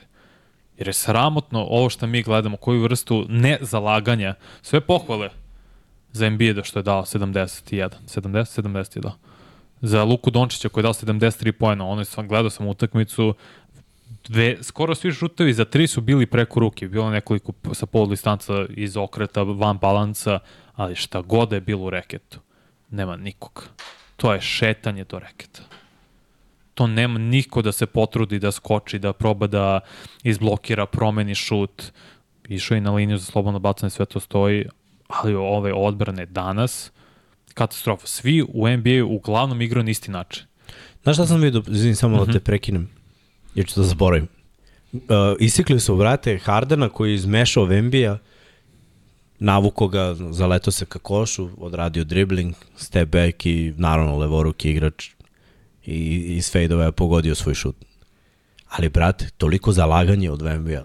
Me, ono, bilo, bilo mi je drago da vidim klinac je, ruke popio je fake, ali se vratio, probao je, dao je sve od sebe. I zahvaljujući svojoj visini za malo da se vrati. Posle nisu isikli naravno kad ga je zalepio u sledećem playu, ali to je bila ono, toliko jedinstveno da vidim da se neko trudi da igra odbranu, znaš, da, da mi je privuklo pažnju, jer obično sve što vidiš je vrhunski napad. Da, igrači jesu talentovani, prave bolje finte, više ska, ono, svi generalno bolje skaču, imaju levu, desnu ruku na završnici u driblinzima. Lepo je videti te stvari, ali lepo je, brate, videti ponekad i dobru odbranu, neku blokadu. Znaš, opet kad iseku ona Westbrooka kako je zalepio nekoga, kako se trudi, kako ide na ofanzivni skok, sve, sve manje manje, sve manje manje toga. I u pravu si, jeste. Uh, igrači zato postižu više poena. I opet ima i, i tog sebičnog malo momenta. Ekipa gubi, oni ne pronalaze način da timski preokrenu rezultat, ali pronalaze način da daju koš i onda veruju ako taj jedan može da daje koš, vratit će se u igru. Mislim, jedan igrač nikad neće pobediti utakmicu. Sam. Potrebna je cijela ekipa. I džabe možda daš i 70, ali ako statek ekipe ne da 50, a u današnjoj eri 125 pojena ovako se postiže, mislim izgubit ćeš utakmicu. A ne možeš bezobrazno da uzimaš svaki šut, malo je to nije ni na, term, na termin košarci neko bi ti prišao od drugara i rekao ono Burazeru nećemo ti dodavati loptu više. Znaš, nemoj da. da digneš svaki. To je radio Carl Anthony Towns baš pre 10 dana sad kada je postigo 60, 62 poena. Ono što sam teo da kažem, svi igraju isto. Što više šuteva za 3 poena, to je analitika je kriva za to. Uh, sve više izolacije jedan na jedan, sve više igre pick and rolla. Znači pick and roll šut za 3 poena tražiš mismatch i svi da su što šire. Znači da je reket što prazniji, da su svi stoje na, tri, na liniji za 3 poena i to je današnji NBA i igre. Uh, imaš jedan na jedan, ako probijaš maltene ti je slobodan prolaz do kraja, nećete niko dirati, imaš lagana dva poena, uglavnom i ne idu na prodor, nego hoće da šutnu za tri poena, što više, što brže to da se reši, da bi imali što više poseda i ta analitika je upropastila NBA. Adam Silver, koji je dobio produženje ugovora do kraja ove, ovo, ove decenije do 2030. godine, je najviše kriv za ovo. On je upropastio kvalitet NBA i sam proizvod kad je bio komesar eh, David Stern, NBA procvetao tada. Od 80. koje je dali treće ili druge do 2014. 15. Dobro, on imao neke poteze. Ne, Nije okay. dozvoljavao neke stvari to da nekima, Nije, nekima jeste. Strog. Mega strog. Sve, sve to stoje. Ali NBA što se tiče samo kvaliteta i značaja igre i sam jedna utakmica od 82 je na mnogo višem nivou nego što je sada. Jer je sada smešno defan, uh, timska odbrana ne postoji, čim gube 10-15 razlike, svi odustanu, ne igra im se više, pa onda to bude debaklo 30-40. Nemaš Ali isto se... tako 20 stigne za 2 minuta. Ako želiš. Ali uglavnom, ako im ne krene, onda, ah, nema veze, odmorit ćemo od sredinom treće, četvrtine. Vodiš 20 i, to ne, to. ne odigraš odbranu i možda primiš 20 za 2 minuta, to mi je ludilo. A i u Evropi je počelo to da se dešava. Katastrofa, nema, nema timske odbrane. Ok, ima individualne odbrane. Videli smo Derika Vajta koji zaista igra odlično ove godine kao back, stvarno je vrhunski, mislim da će biti u, i treba bi da bude ozbiljnom razmatranju za najboljeg defanzivnog igrača ove sezone kao Gober, kao Jaden McDaniels i tako dalje, ali ovo ostalo je kriminalno. I znam, nije ista priča u ovom NBA playoffu, sve to stoji. Ali pričamo o regularnoj sezoni. Pričamo o tome da Embiid ima više bacanja u proseku poslednje tri godine nego Shaquille O'Neal koji je imao u svojim tri najbolje godine u Lakersima manje bacanje u proseku po meču nego Embiid sada. A ljudi su faulirali Šeka namerno. Da, ga, da bi ga zaustavili u rekitor nisu imali rešenje za njega. Ne, mnogi stvari nisu svirali tamo. Pričaju o tome. Ok, ali to je, Da, da, to ono- je suludo. Ček po ruci, znaš ono, kreneš i neko te, Ok, ako nije dovoljno jako sudije ne svira, kao, on je veliki, on to ne osjeća. Danas te takne neko, Ma Embiid danas bacanje. flopuje. I zato mi je, ja ne mogu da zaista cenim možda koliko bi trebao, koliko bih trebao, pardon, njegovih 70 poena. Jer znam koliko se bacaka, koliko su to falovi iz vazduha, da ga čovjek dodirne, maltene. Gledao sam reprizu posle utakmice San Antonio i Philadelphia. Dodirne ga, on dobije dva bacanja. Ni, znači, ne, nema osnova, to ne bi bilo, što ti kažeš, faul u termin košarci. Smeli biti se da tražiš takav faul. On se bacaka i dobija faul i ide na bacanje 20 puta na tom meču. Više, 23 puta. bolest. Ne, stvarno. I onda kako da nemaš 30 poena, 35, koliko god, to mu je prosek. Kad šutiraš 10 minimum u Šutiraš proseku. 11 bacanja. Da, ali čoveč. ajde da kažemo, ti 10 imaš i ako I ih vrhunski izvedeš... šutiraš bacanje. Dobro, to je 10 poena. Znači, mislim, treba ti još 10 koševa, ne moraš trojku nijednu da daš, još 10 koševa bl blizu obruča 48 minuta da, mislim, dođeš do 30. Ma, lakše. A pritom lik šutira dobro i trojke. I voli da igra pick and pop i zna da se izvuče isto. Embiid ove godine u proseku šutira skoro 12 bacanja. Postiže 10 i opet, prosek je nerealan. Stvarno procenat vrhunski, ali današnji NBA je postao smešan. Svi mogu da igraju NBA danas. To ljudima možda sad zvuči smešno je, kad to samo kažem. je da li će trener da prepozna si, situacija da li je dobra za tebe. Ako Da te trener prepozna, stavi tu dobru situaciju, dobiješ priliku, uh, okružen si dobrim igračem u pravom sistemu, pff, Evo znaš ko ti je najbolji primjer toga? Dante Di Vincenzo. Koji je zaista ove godine procvito još više u Knicksima. O, Villanova je kruga. Jest. On, Branson, Josh Hart, sve to stojali. Vicen, do, Dante Di Vincenzo, M što je veoma efikasan, odličan šut iz igre, procenti, procenti su mu sjajni, dobar defanzivac, voljan da igra odbranu, pogotovo kod Toma koji je, ja mislim, jedan od redkih trenera koji zaista želi da igra timsku odbranu i to Nixi radi, zato imaju uspeha. Ali eto, stavljanje u odličnu situaciju, bio neki prospekt kad izlazi, izlazi s koleđa prek nekoliko godina, pronalazio se, ali je napredovao. Radio na sebi, dobio prilike, trener, trenerima se to svidilo, pogotovo Thibodeau, vidi se da se trudi, da daje sve od sebe i eto, evo ti prilike, evo ti dodatna minutaža i on je to iskoristio. Ali da se vratimo na ovu temu, NBA mora nešto promeniti. Negledljivo mi je, zaista, i zato meni nikad neće biti dok ne vidimo video snimak Viltovih 100 poena, pošto vidim snimak Bejba Ruta iz bejsbola iz dva- 29. kako uči decu kako da baca loptu. Mislim, ja stvarno ne mogu da prihvatim da NBA ne, nema nikakav snimak, nema niko nikakav snimak tih, te utakmice kad je Will dao 100 poena. Ja dok ne, ja ću uvek misliti da je Bryantovih 81 vrh. U toj eri uzmemo sve u obzir, jer danas ne smem da zamislim šta bi Jordan radio sa onim atleticizmom, uh, sposobnošću da bude toliko u vazduhu, da lebdi maltene do obruča sa, pra, sa praznim reketom sada, to je laganih 45 u proseku. ne, ne znam kako šta ćeš da uradiš ako zustaviš. Znaš šta, najjače od svega što ne, ne moramo mi to da pričamo sad kako, pošto, ajde da kažemo, za, za ovo nismo košarkaši, Uh, da, u medijima smo i kao bavili smo se sportom, ali ne profesionalno, tako da ono, kao lajci, ajde da, da, da tako iskoristim taj termin. Prate, gledaš šta igrači pričaju. Igrači, na primjer, ko Luka, ko neko ko je igrao u Evropi na visokom nivou i, znaš, mnogo puta je bilo pitanja gde je lakše postići 30 poena. Talent u NBA je mnogo veći i igrači toliko dobro šutiraju. Ljudi, ne smemo nikad da pocenimo koliko su oni napredovali individualno. Oni šuteve promašuju u igri. Oni na. Da. treningu i na zagrevanju šuteve ne promašuju. Ako mislite da je wow, zato što ne znam, volite da igrate basket ili bavite se time neprofesionalno, poluprofesionalno ili amaterski i vežete 10 trojki, znajte da je za njih 10 trojki zagrevanje jer će da vežu 30, 40, 50 bez problema. Ali to im Oni su stvarno šuterski mnogo dobri. U Evropi nije tako. U, Evropi Nije. je drugačije. Ali u Evropi ti krca treket, u Evropi će neko da to šamari po rukama, u Evropi te gurnu tri puta. Znaš, mnogo je više kontakta. I, i zato je mnogo teže. Ovamo je vrlo često šetnja i ako centar nije zainteresovan da te zalepi, a mogu sa rasponom ruku, ti ćeš vrlo verovatno dati poen. Pritom su svi previše agresivni, a ti stalno radiš na tome da napraviš separaciju, da dođeš do nekih poena. I zato se više, mislim, više ide na spolja da bi centri bili isključeni maksimalno, jer uglavnom igraš protiv igrača koji su slične konstitucije kao i ti. I da prećeš njima da daš poene, nego kad izbaciš svog igrača i da te čeka toranj u, u reketu. A i toga ima sve manje. Ali dobro, jeste ofanzivna liga, ja nemam problem što je ofanzivna liga.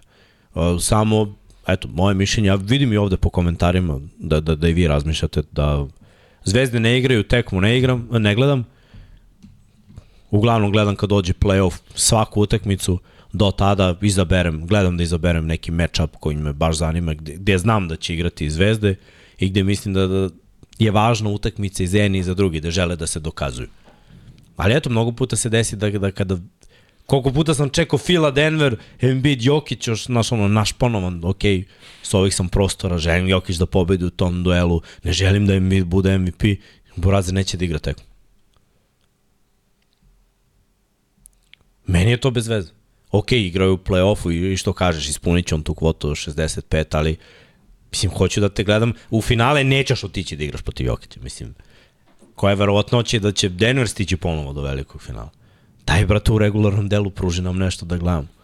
Da, da, da vidimo taj neki okršaj. Nažalost, ono.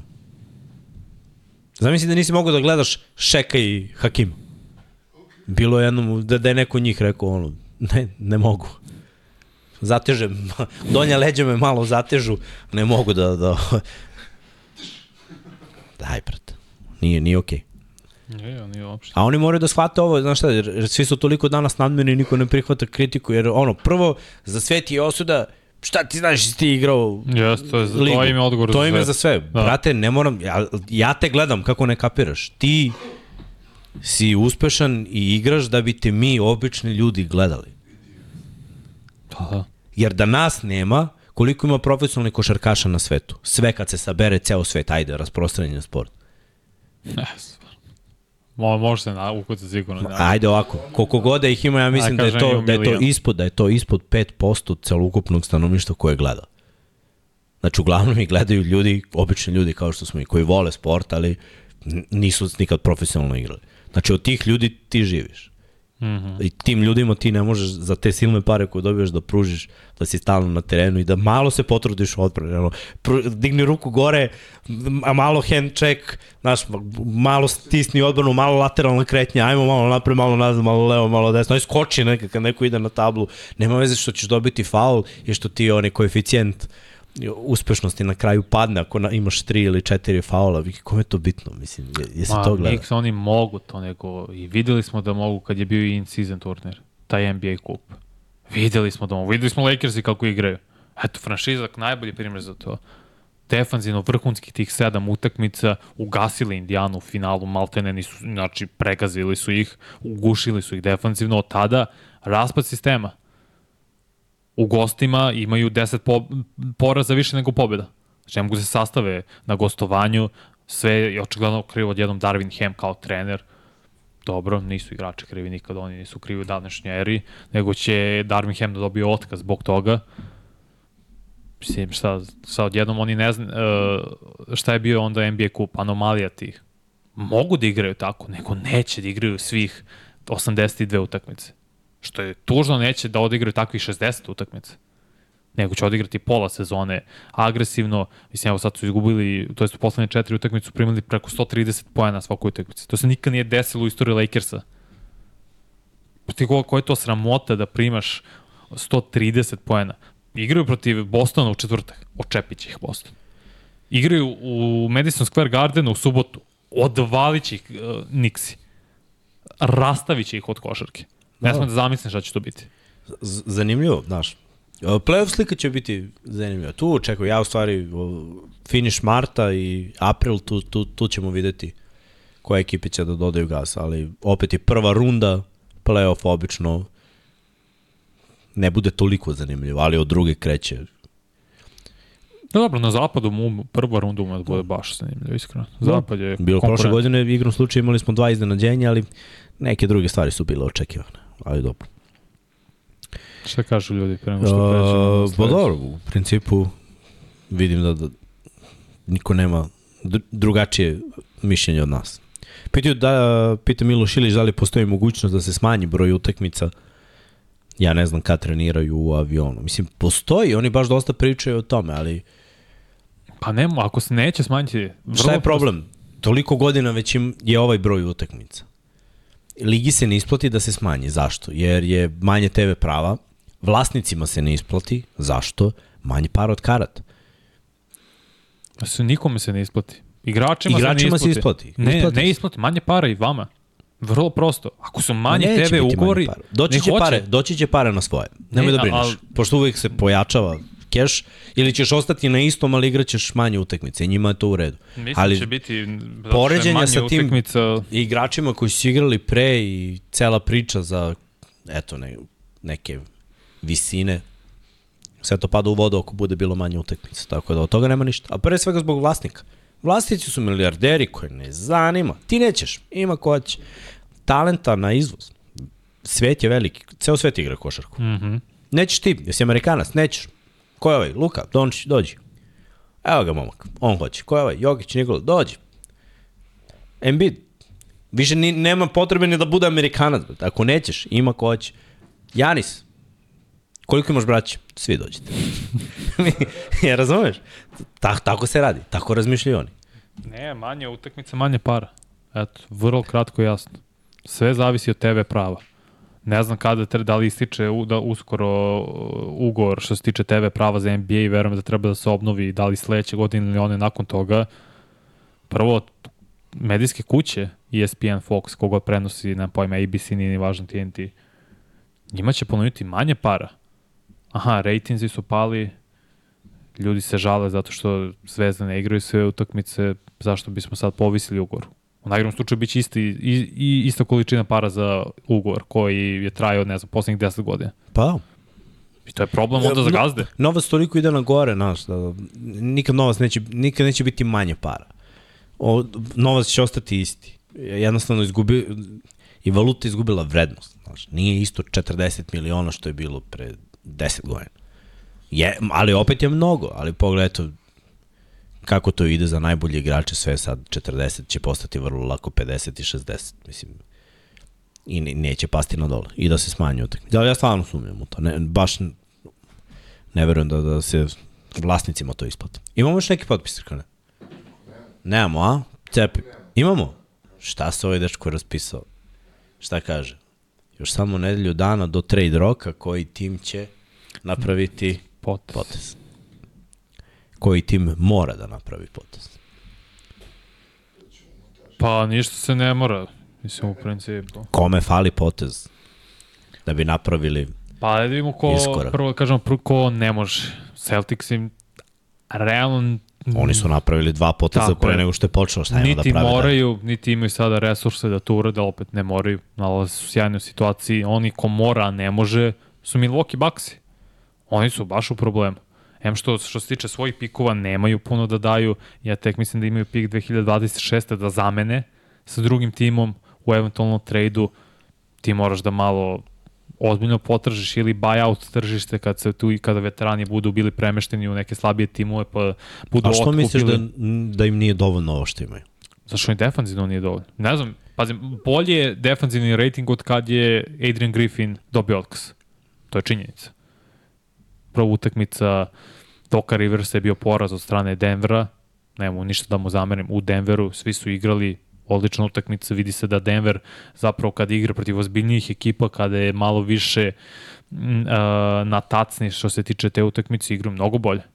Pobedili su, u, mislim da su dobili 7 od 9, pobedili dva puta Indijanu, pobedili Boston, pobedili Philadelphia, pobedili Milwaukee. To je veoma impresivno. Vidjet ćemo večeras igri protiv Portlanda, prva utakmica Lillarda u Portlandu, od kad je bio tradovan od strane Trail Blazersa, to će biti izuzetno emotivno i teško za njega, ali zavisi, opet, mali uzorak će imati Doc Rivers do osmog, do sledećeg četvrtka, da se napravi neka promena. Ja mislim da se ništa neće promeniti. Promena trenera je dovoljna i ok, svima fali nešto, fali će i baksima nešto, ali možda će dok uspeti da probudi u, u njima želju da zagrizu više. Vidi se da je hemija bila jako loša u sločionici i ovako, to se odrazi vrlo brzo na, na teren. Ovako bi možda neko mogao da iskorači. Naravno, doko je da pronađe tog jednog igrača s klupe koji bi mogao da obavlja ozbiljan posao. Pre svega, da bude taj energetski igrač. Da neko ko će da uđe s klupe, ko nije imao možda do sada tu ulogu, ali ima u sebi skriveni potencijal da unosi dobru energiju, da podiže igrače koji imaju određene uloge na, na, na svakoj utakmici. To, to je, njima nužno nije preko potreban, znaš. Oni mogu da dođu do, do nekog svog cilja. Dobro, vidjet ćemo i vratit, vratit će se Jay Crowder kao zdrav, koliko će to značiti, trebalo bi da znači... Kako ne, pa Jay Crowder ono, je defanzivac, mislim, Jeste. Defanzivac koji može da da trojku, defanzivac koji može da čuva više pozicija, mislim, jak je momak. Pročito sam da mogu da traduju Peta Konahe i pika druge runde na ovogodišnjem NBA draftu za Royce O'Neal. Probaj, pozovi Brooklyn. Mada opet i Brooklyn ima mali uzorak sada kad se vratio Ben Simmons na teren. Izgledao je veoma dobro za 18 minuta, skoro triple-double, stvarno je izgledao sjajno i verujem da to malo daje nadu, neku tračak nade necima da možda mogu da spase ovu sezonu. Ako svi budu bili zdravi, to je veoma veliko ako, naravno. Ako je Ben Simmons tu, ako odigra dovoljan broj utakmica do 8. februara, da neci kažu, aha, imamo nešto ovde. Ne moramo da rasprodajemo igrače, ako je Dinvidi mega nezadovoljan, mada i šutira katastrofa iz igre, jedan od najgorih što se tiče procenta iz igre ove godine, možda će njega morati da traduju, ali daj da zadržimo taj core Ben Simmons, Bridges, odbili su već ponovno od uh, Rokica za uh, Bridgesa od, ja mislim, nekoliko pikova prve runde za njega, što je baš big deal. Cam Johnson i tu i tako dalje. Daj da vidimo što imamo s njima do kraja sezona. Ali gledaj, ekipa kao Brooklyn nema šta da traži playoff. Aha. Te ekipe koje nemaju šta da traže, za, zašto ulagati toliko, jer to je, mislim, za sledeću godinu može da bude pun pogodak, ali uglavnom je presipanje iz šupljeg u prazno. Ne, mislim, ti ćeš sad pokušati, praviš nešto koje, koje ekipa je, može da osvoji, a treba jedan igrač. Na istoku ih nema mnogo, Vanja. Niksi. I dalje verujem da za drugu petorku im treba playmaker i veoma dobar šuter. Biću uporan, ne znam kako što se tiče kepa, kako je to izvodljivo, nisam to proveravao, ali zovi Atlantu za Bogdana. Playmaker, da. Odličan šuter, da sve što ti je neophodno za njihovu drugu petorku, Bogdan ima.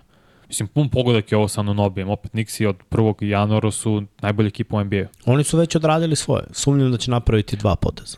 Mislim da će Mo, se imaju, zadovoljiti ovo. Imaju draft kapital, znači oni mogu da treniraju čak do 8 pikova iz prve runde i 9 pikova iz druge. Znači, ali oni to imaju... je all-in, to je all-in. Ok, ali nećeš... A zašto all-in? Kada realno gledano nisi trenutno bilo bi veliko iznenađenje da oni dobiju seriju i da, da odu do kraja, do finala istoka ili do velikog finala. Bilo bi, ali mislim da mogu ove godine da stignu do finala istoka. Traduješ Fournier, traduješ pika prve runde, možda za Brusa Browna, eventualno iz Toronta i to si dosta šuška. Bruce Brown je nametio mnogih. Jeste. A eto, okay. to je igrač koji bi mogao da bude trade Jeste. Ok, možda je pozoveš njih. Što da ne? Misliš da Denver može da... Mislim bilo da je priča, bilo je priča. Mislim da Denver nema, nema draft, nema kao cap mesto to da ima, zadržao bi ga još. I ne verujem da će Denver praviti bilo kakvu promenu. Dobro, mislim, ceo, ceo put Brownov od uh, potpisivanja ugovora u Indijani, pa onda je poslato ovamo u Torontu, u Torontu nema šta da traži. Mm -hmm. Realno, to je ekipa koja se sklapa na totalno drugi način, on je tu došao samo kao žrtva. I, i sada traži novu sredinu. A nova sredina je vrlo verovatno ekipa koja se takmiči. Vrlo verovatno, kažete, Nixi... Ne znam uopšte kako je sad mhm. ta ekipa koja bi ga dovela preuzima ugovor. Ili Indiana mora da otplati ugovor koju mu je dala. Ne, preuzimaj. Kako to ide? Preuzimaj. Znači sad neko mora da preuzme. Pa da, da. A šta ako niko ne želi? Nije baš ta, često to kao u NFL da pola jedan, pola drugi ili deo jedan, deo drugi. Ali uglavnom se preuzima ceo ugovor. Ti tražiš igrače da bi tradeo od nekog igrača za, kog, nekog, za drugog igrača kog želiš, ali moraju ugovori da se donekle poklope. Tako da Nixi opet imaju dovoljno mesta u, u kepu, jer mali broj igrača njihov je preko 30 miliona, stvarno su odradili sjajan posao, imaju draft kapital i pikove drugih timova, ne samo svoju prvu i drugoj rundi, tako da Nix imaju odličnu budućnost i odličan su tim sada. Možda je sad prilika kada se Milwaukee muči, kada ne znaju šta je identitet njihov, ne znaju da li će ovaj eksperiment sa Dokon Riversom uspeti, ne znaš, mo fila, ali je ozbiljnija povreda sada MB da kolen ili ne, šta je tu priča, koliko će vremena propustiti, o, uvek propušta u play-offu nekoliko utakmica. Sada je prilika da pojuriš drugi sid, jer si tu blizu Baksa, odličnom si naletu, dovedeš još jednog šutera, još jednog playmakera sa klupe i imaš kompletan tim. Branson ti je igrač broj 1, Randall igrač broj 2, žao mi što se povredio Mitchell Robinson, mislim da bi bili još opasniji, što će mm. propustiti celu godinu, ali imaš doprinos od drugih igrača kao što je do, uh, Divećenso, kao što je Josh Hart, kao što je sada Anunobi, Haverstein i tako dalje, stvarno igraju sjajnu i lepu košarku. Ti misliš da treba da idu all Ja mislim da treba da idu. Eh. Dugo nisu... A gledaj na zapadu, na zapadu je meni druga priča, mnogo kompletnih timova. Mislim, timova koji, kojima možda i ne treba niko. Moguće. Mislim, gledaj ovako, Clippersima ne treba niko. Ne, Clippersi neće. Oni su odradili svoje. Tako je. Minnesota vrlo verovatno ne treba niko. A, ali Minnesota je nešto ispod radara nekog solidnog backupa to mogu, ali to nije ovo o čemu pričamo. Mi sad pričamo o nekome koji je impact igrač, koji pap, dovedeš ga u ekipu i odjedno si prvi kandidat za titul. Phoenix je odradio svoje. Phoenix isto. Nemaju šta da traže, sklopili su roster, tako je kako je. Denver je sklopio roster, ima mesta za nešto, ali u kepu nemaju mesta za nekog igrača koji može da dođe i napravi veliku razliku. A fali im jo, još nešto, ok, kao što si rekao, lepo oni igraju kad je konkurentno protiv drugih ekipa, možda malo ta dubina.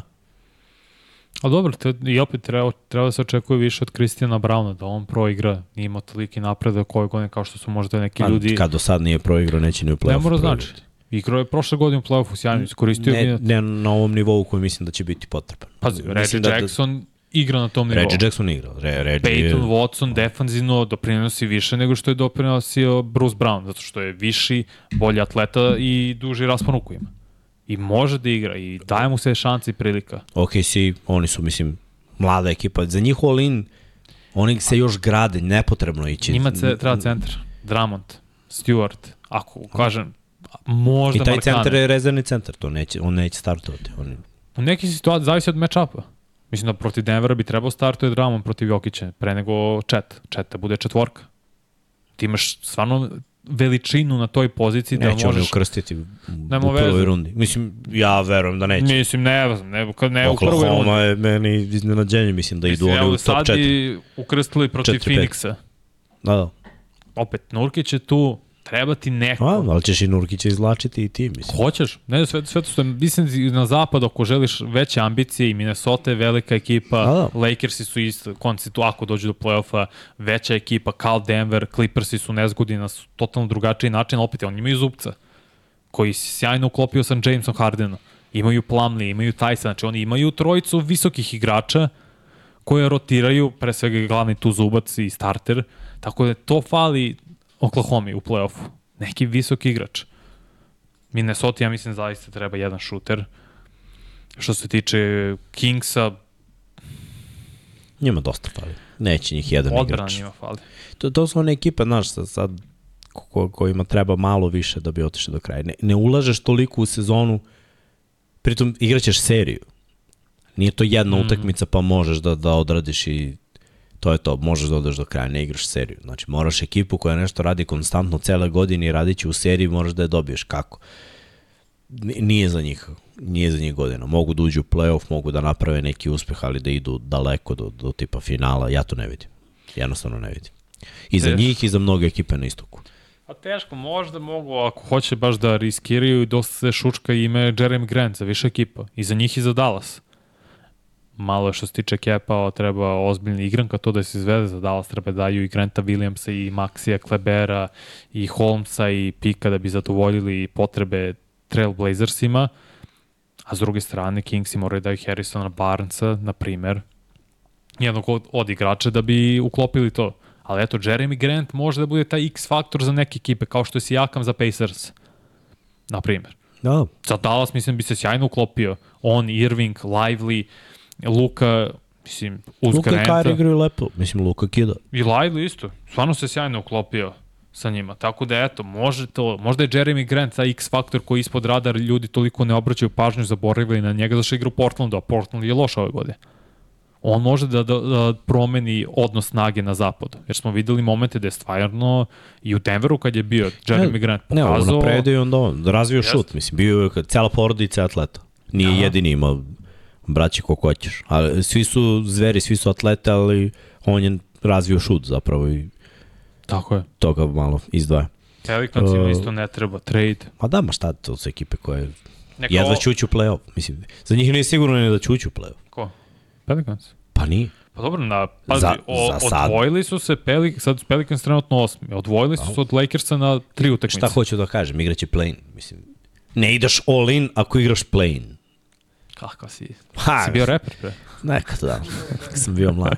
Kad sam bio mlad. Srki, imamo dalje nešto. Ja, imamo to da. Daj pitanje i odgovor. Daj, pričamo o svemu i svačemu i da... Cepajte ljudi da pitanje, šta vas zanima. Vidim da, da ovde ljudi pišu da bi voleli Bojana ili Bogdana u Denveru ili u Nixima. Mislim, Pa u Nixima je Bojan je realnije. odličan igrač, kogod da ga dovede, dobija on ne može da bude starter ako dođe ovako kasno, po mom mišljenju. Ali dobijaš igrača koji može da iznese neke jake minute i da rešava Ali treba situacije i da daje starter. poen. Pa to ti kažem. I velika je prednost imati takvog igrača na klupi, takvog igrača koji može da odradi 20 minuta i, i da zabeleži između 10 i 20 poena ako ga kreneš. u- Znaš, to, to može da promeni utakmicu. I ja mislim da, da isto i Bogdan ima u sebi, samo eto, ugovori, Bogdanov ugovor može da, da pokvari Pa i Bojanov i Bogdan. za, za kontendere, jer kontenderi nemaju toliko u kepu i nisu svi spremni da daju pikove i igrače da bi dobili to sada. Zato me, zato me ovaj, baš zanima šta će da se izdešava. Još malo se bliži. Kad je posljednji dan trade, trade deadline? 8. Osmi. februar, znači četvrtak. Čoveče, 8. februara su nagrade Nisu, za NFL. nisu 8. oni su subotu, dan pre. 10. Da, uvek su subotu, dan pre Super Bowl, zar ne? Stvarno. Sad ćemo da nađem. Ja sam uvek mislio da jesu. Na ono što čuo 8. NFL Awards. Sad ćemo vidimo. Vidimo kad je to. NFL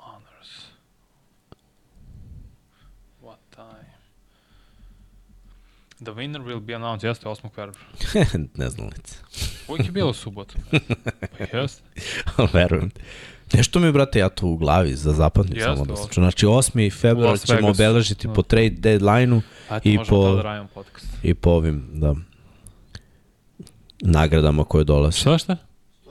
8. februar. 8. da, da. februar, da.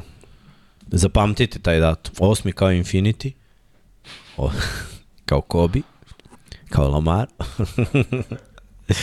Nixi su Da, da. trenutno 23 miliona preko kepa, ali i dalje su uh, ispod onog prvog prve recke što se tiče dodatnog plaćanja poreza, aj tako da kažem. Ne znam kako je Apron da prevedem, mislim znam, ali nije to najbolji prevod na našem jeziku. Tako da i mogu da Nixi izbarataju nešto što se tiče kepa i da eventualno dovedu Bojana ili Bogdana, ali bit će izuzetno, izuzetno teško. Ne, nemoguće je. Ali vidjet ćemo. Uh, pitaju za Bogdana u Minnesota. Volao bih. Koja je verovatnoć koliko Minnesota ima Ne. mogućnosti da napravi to koga bi oni morali da pošalju nazad. Mislim, morali bi da daju nekoga, ne, ne može da samo dođe Bogdan i to je to, kao imate istu ekipu, evo vam Bogdanović. Da ima manje ugovor, moglo bi. Ali pošto nema, ne može.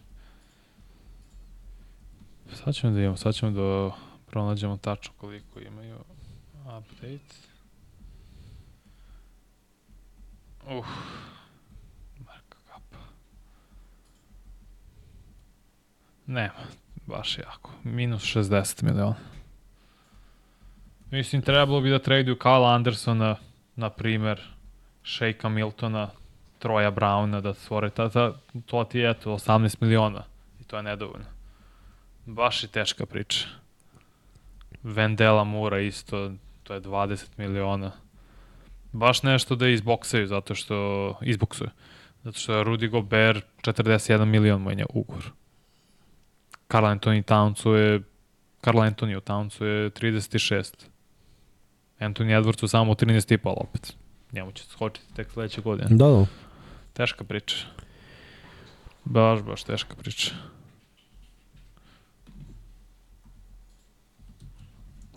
Svi bismo Pita voleli. Kecmanija da li ima Bogdan šansu za šestog igrača. Ima šansu. Razmišljam ko je sve u toj priči. Ali ima apsolutno šansu da bude šest igrač. Zavisi šta radi Quentin Grimes sada u Torontu. O, pardon, Isaac Wickley u Torontu. Mm. Ko još, ko još, ko još? Hawkins je više sad počeli da, Hawkins počinje da bude starter u Majamiju. Pitaju zašto ne, ne traduju Townsa za kapelu i Bogdan. Zato što Towns je šuter, on dobiješ kapelu i Gobera u istoj ekipi, šta će reći s kapelom. Ja to nikad ne bih uradio. Bogdan, Bogdan imao 18 miliona ugovor. Eto još. Može da se desi. Može, nije to strašno. Moraš da oslobodiš 18 milka. Može, može to da se reši, stvarno. S 18, pa 17, pa 16. Pff, Prelep ugovor, može la, lagano da se izboksuje to i da za neki tim koji u playoff priči da pronađe te pare i da traduje pare igrača da bi to lepo napravili. Sjajno. Nemanja pita da li je nekada isteklo vreme prilikom drafta za odabir E, igrača. dešavalo se. Slušao sam priče, dešavalo se. Ali ne mogu da Ja setim. nisam gledao nikad da je isteklo u nekom vremenu. A da nije izabrao pika. U da NFL-u je znam, to kao, do, da je to bio slučaj. Šutno bi ga odmah. Brazil imaš 5 minuta, 3 minuta, 2 minuta, imaš ono tabelu. Znamo šta biramo. Ne znam, ja mislim da To to... nisi ti kod kuće kao kad je bio COVID, to je jedinstvena situacija, ali čekaj malo da vratimo, to sam da popijem, ali da trener ti je tu, ceo štab ti je tu, nema, šanse da ne možeš da Možda okreneš i nije za telefon. NBA, za NFL se desilo, to znam. Da, Minnesota. Da, to sigurno radila. Za NBA je inače promenio pravilo za NBA, za draft noć. Sad će trajati dve noći. A da li imaju dve runde, brate? Pa da, prva runda. Mislim, koliko je teško, druga. uglavnom biraš dva puta. Uglavnom. Znaš zašto? Da bi dali veći fokus na NBA draftu, bi mogla da se uradi Ne, ne, ne. analiza tih igrača Sve iz prve runde detaljno, pa posle samo Sve to na razumem, drugu. ali bilo bi jako glupo da imaš ukupno 60 igrača Dobro, i svaka ekipa bira dva puta u principu. i, i ne izabereš nekog. Svaka NBA e, ekipa bira dva puta, svaka NFL ekipa, pošto ima sedam rundi, uglavnom bi trebalo da imaš svakog pika u rundi, ali ponekad ih daješ u tim trejdovima. Realno može se desiti Realno je biraš minimum 5, 8 do 9. 4-5, najviše 8 do 9. Mislim, ima i dvocifren broj, ali mislim da Minnesota je bilo u prvoj rundi, zar ne? Ali da failuješ, ono, fail. Te moram pišemo. Šta se desilo na kraju? Pa sad izgubili su Na sledeći. pik. I onda oni bi dva put za redom, mislim da su propustili pika fazon. Znači imali su lupan sad 11. pa su bili 13. Tajnik je fazon je bio. Baš je luda priča. Možda zaboravili. A zbog. Trebalo mi da budemo scout. Čekaj da vidimo, čekaj da vidimo, da vidimo, da vidimo, da. Mnogo interesovanja ovde za Minnesota, nije valjda da navijate za Minnesota. Tako je bre, idemo jako. Nisu mečke, ali nema veze.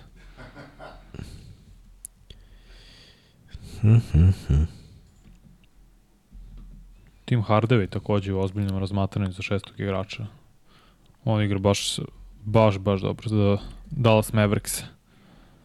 Kažu da je Simons out zbog povrede kolena. Ben? Pa i, ili on ili jedini, pošto piše Simons, ne znam da li je Možda je iz Simon sa Portlanda. Ferni. Da. Da, da.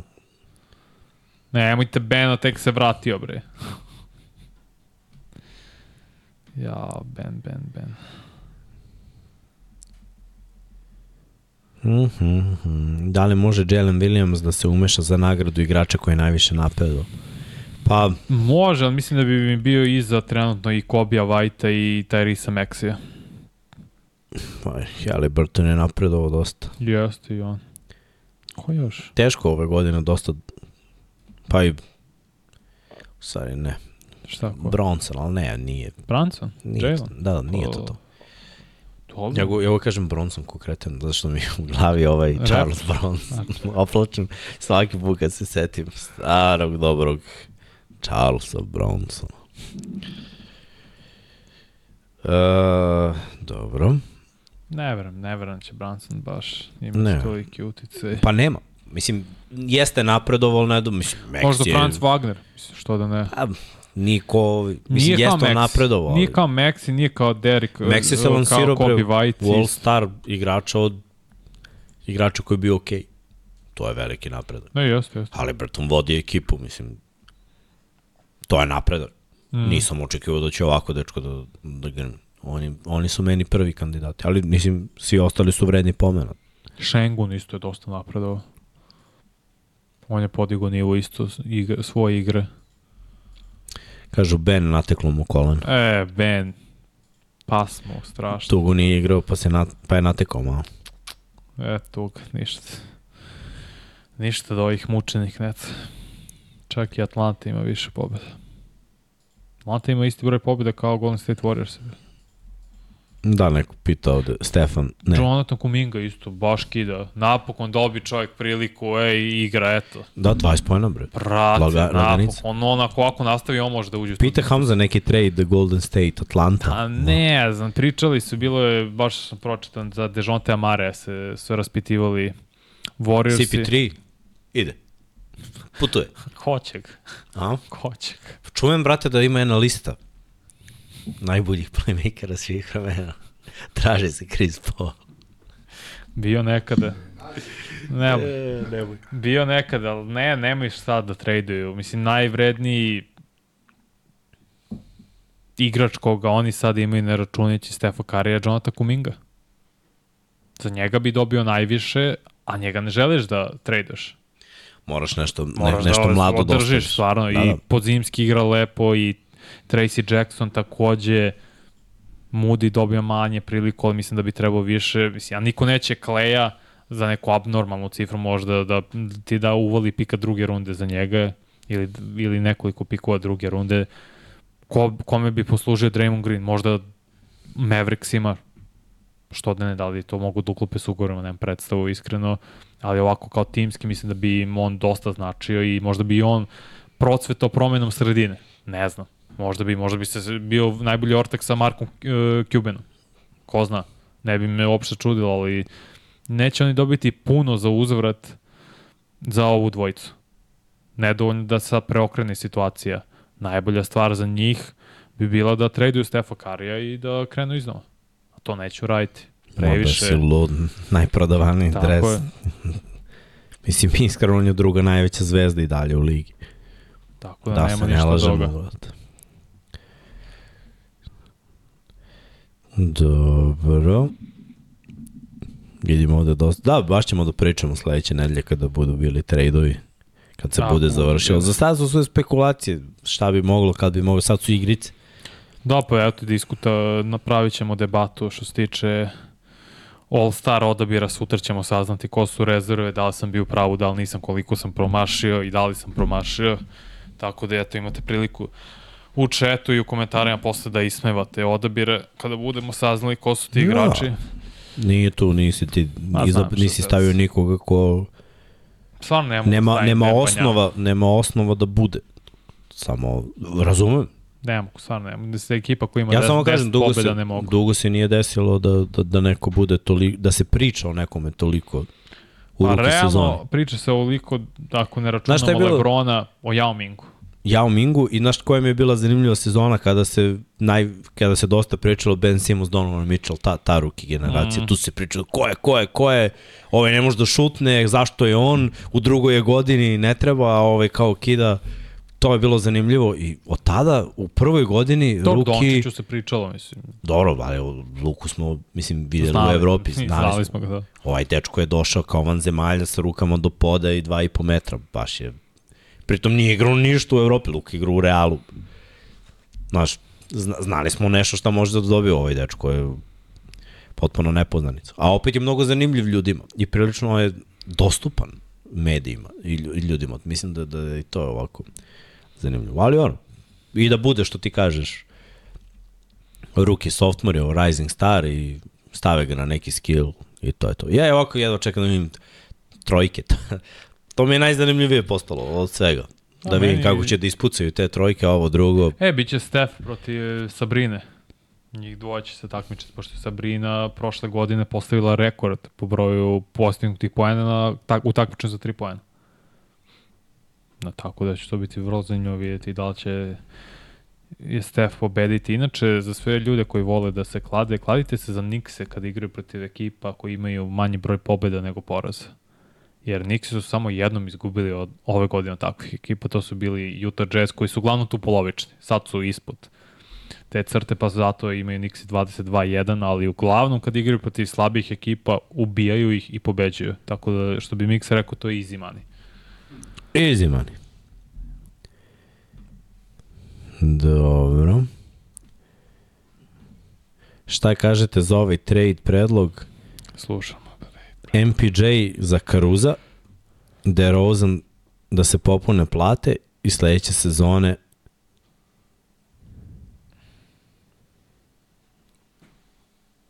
Watson starter umesto DeRozan.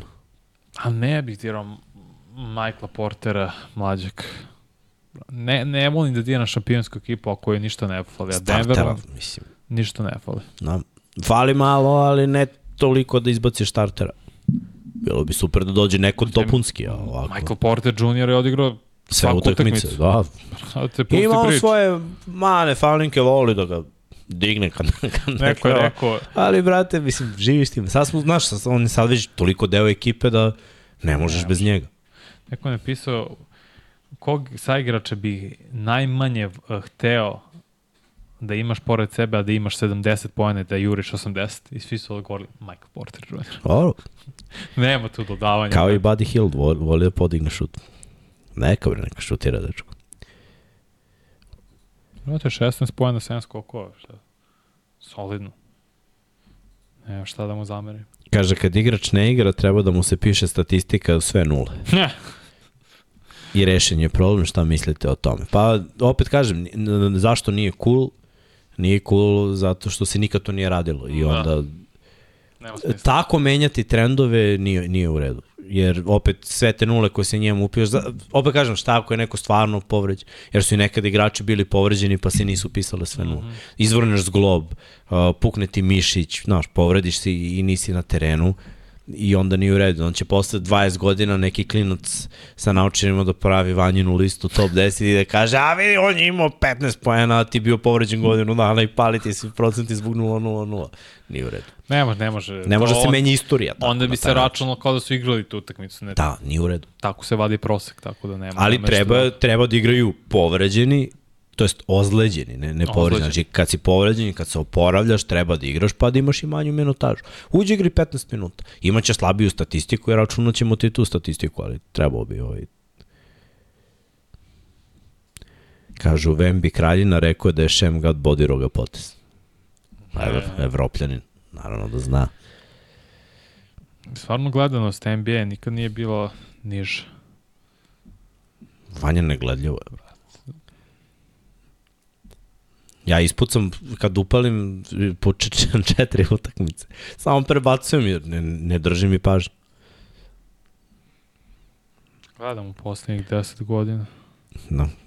Pitaju ovde malo i za NFL, pričat ću 99 yardi. Družit ćete se, je, jedan na jedan je u 99 yardi. Pošto su nam Ovaj, o- ostatak ekipe nam je otputovao, tako da ćemo Vanja i ja da se družimo s vama i eto malo analiziramo i pričamo. A inače Super Bowl ćemo da gledamo u našem novom prostoru. Mislim, vi ćete da gledate, mi ćemo da radimo, ali biće, biće zanimljivo. Tako da Da. pravi se event, evo Srki se baš ovaj, primio na organizaciju i verujem da će to sve biti super. Sredili smo grejanje, bit će vam toplo tamo. A I možete da kapu zato uživate, što da. nema klime ovde. Ja. jer, sam, jer sam bio kod stiliste. Ima tu neki stilista, Daj. stalno ga vozim, nikad bakšiš taj nije ostavio. A, dobro. Ništa, ajde da privodimo kraju, već je 12 sati 004. Tako da, eto, hvala vam što ste bili tu, što smo se ovako lepo isčaskali. Pa eto, sledeće nedelje imamo malo konkretniju temu i nadam se ovaj, gosta pa možemo da pričamo o tome, jer onda se sve kristališe i i znamo tačno koje ekipe napadaju all-in, koje ne. Uh, to je to, finalni rosteri, nema više mešanja karata, tako je kako je i s tim ekipama idemo dalje i eto možemo malo da tada prokomentarišemo ko kako može da unapredi, ali mislim da je već dosta posla odrađeno do ovog trenutka. Znači da ne uzimamo šta bi bilo kad bi bilo, pogledaj koliko igrača promenilo sredinu do ovog trenutka i već imamo nekoliko trenera i, i promena taktika takođe.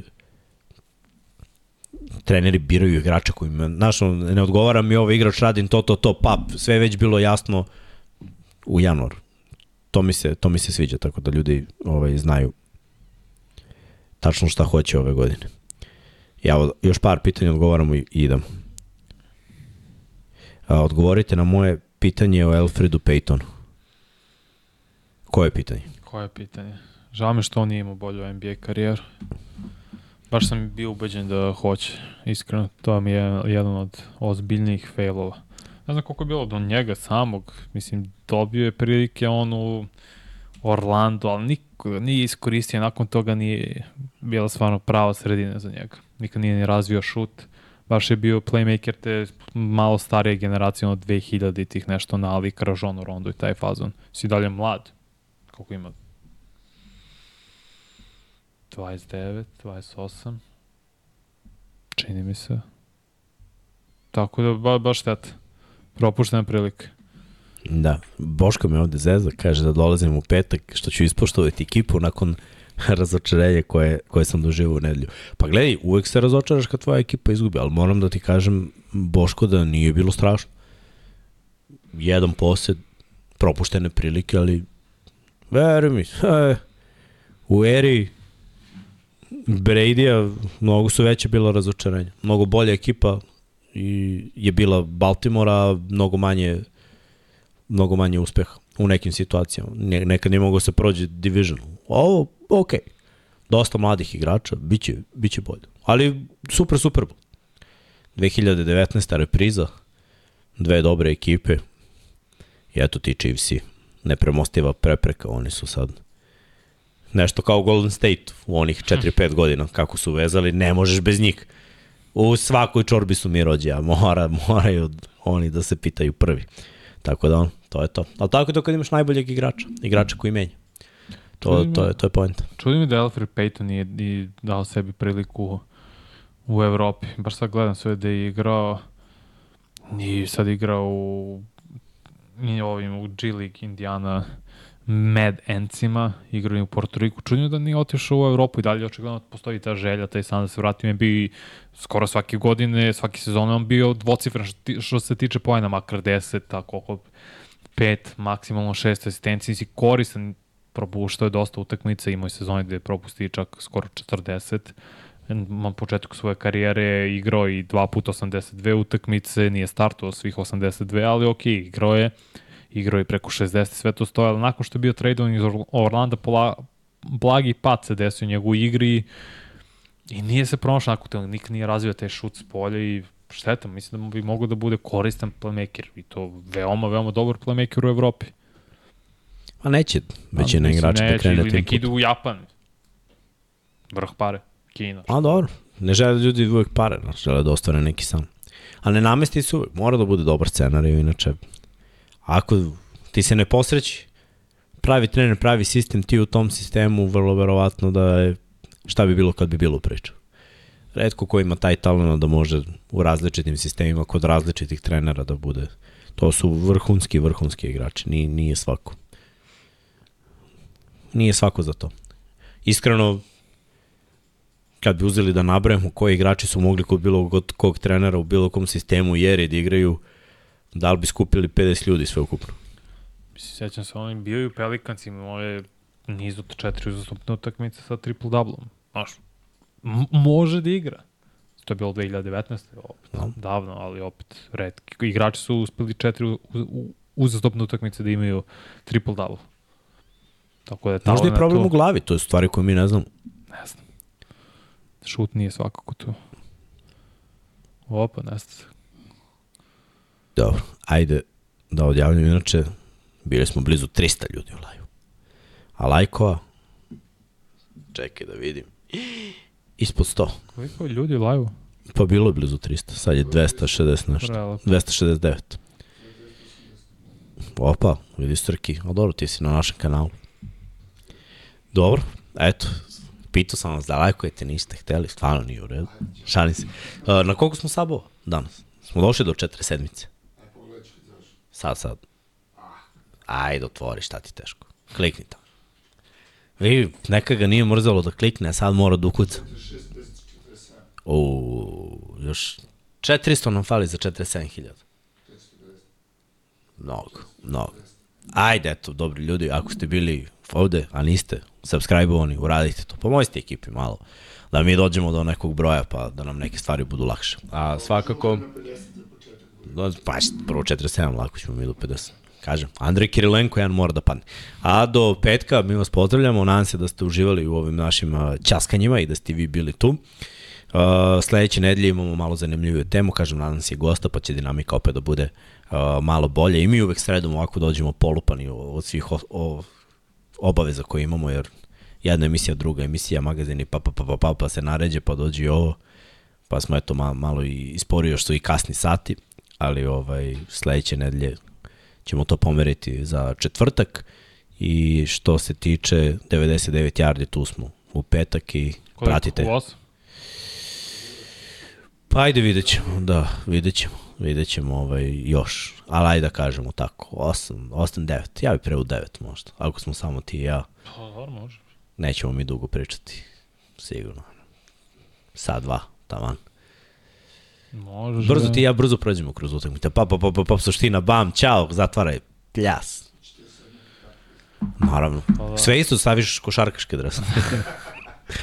Samo radimo 99. Da, imamo Pro Bowl Skills Challenge u četvrtak na petak u Pa da. jedan čas. Ali to, Koliko to traje? Sad i po dva? tako. Pa, fino. Ko zna u stvari, ne mogu setiti prošle godine koliko je trebalo. Ali mislim da je tako, kod dva, dva sata, ne verujem da je duže. Oni su kao stavili tri, ne verujem šta ima tri. Ne, tri je, mislim, Pro Bowl game.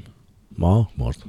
Mislim da je Da, to da, i to je neko pitao. Biće, skill challenge je sutra u 1 ujutru, Mhm, a Pro Bowl je u nedelju u 9. tako je. Eto, to, to isto prenosimo i onda do Superbola do Superbola lagano biće tu road to Super Bowl, biće emisija i naravno utakmica, tako da eto, možete da uživate da pratite to, a to je to. Mi vas pozdravljamo, odjavljamo, Srki je spreman, brz na obaraču, klikće tamo Patreon i odlazimo, odlazimo kućao. Ima neka tekma večeras dobro. NBA neka. Pa, imaš Portland.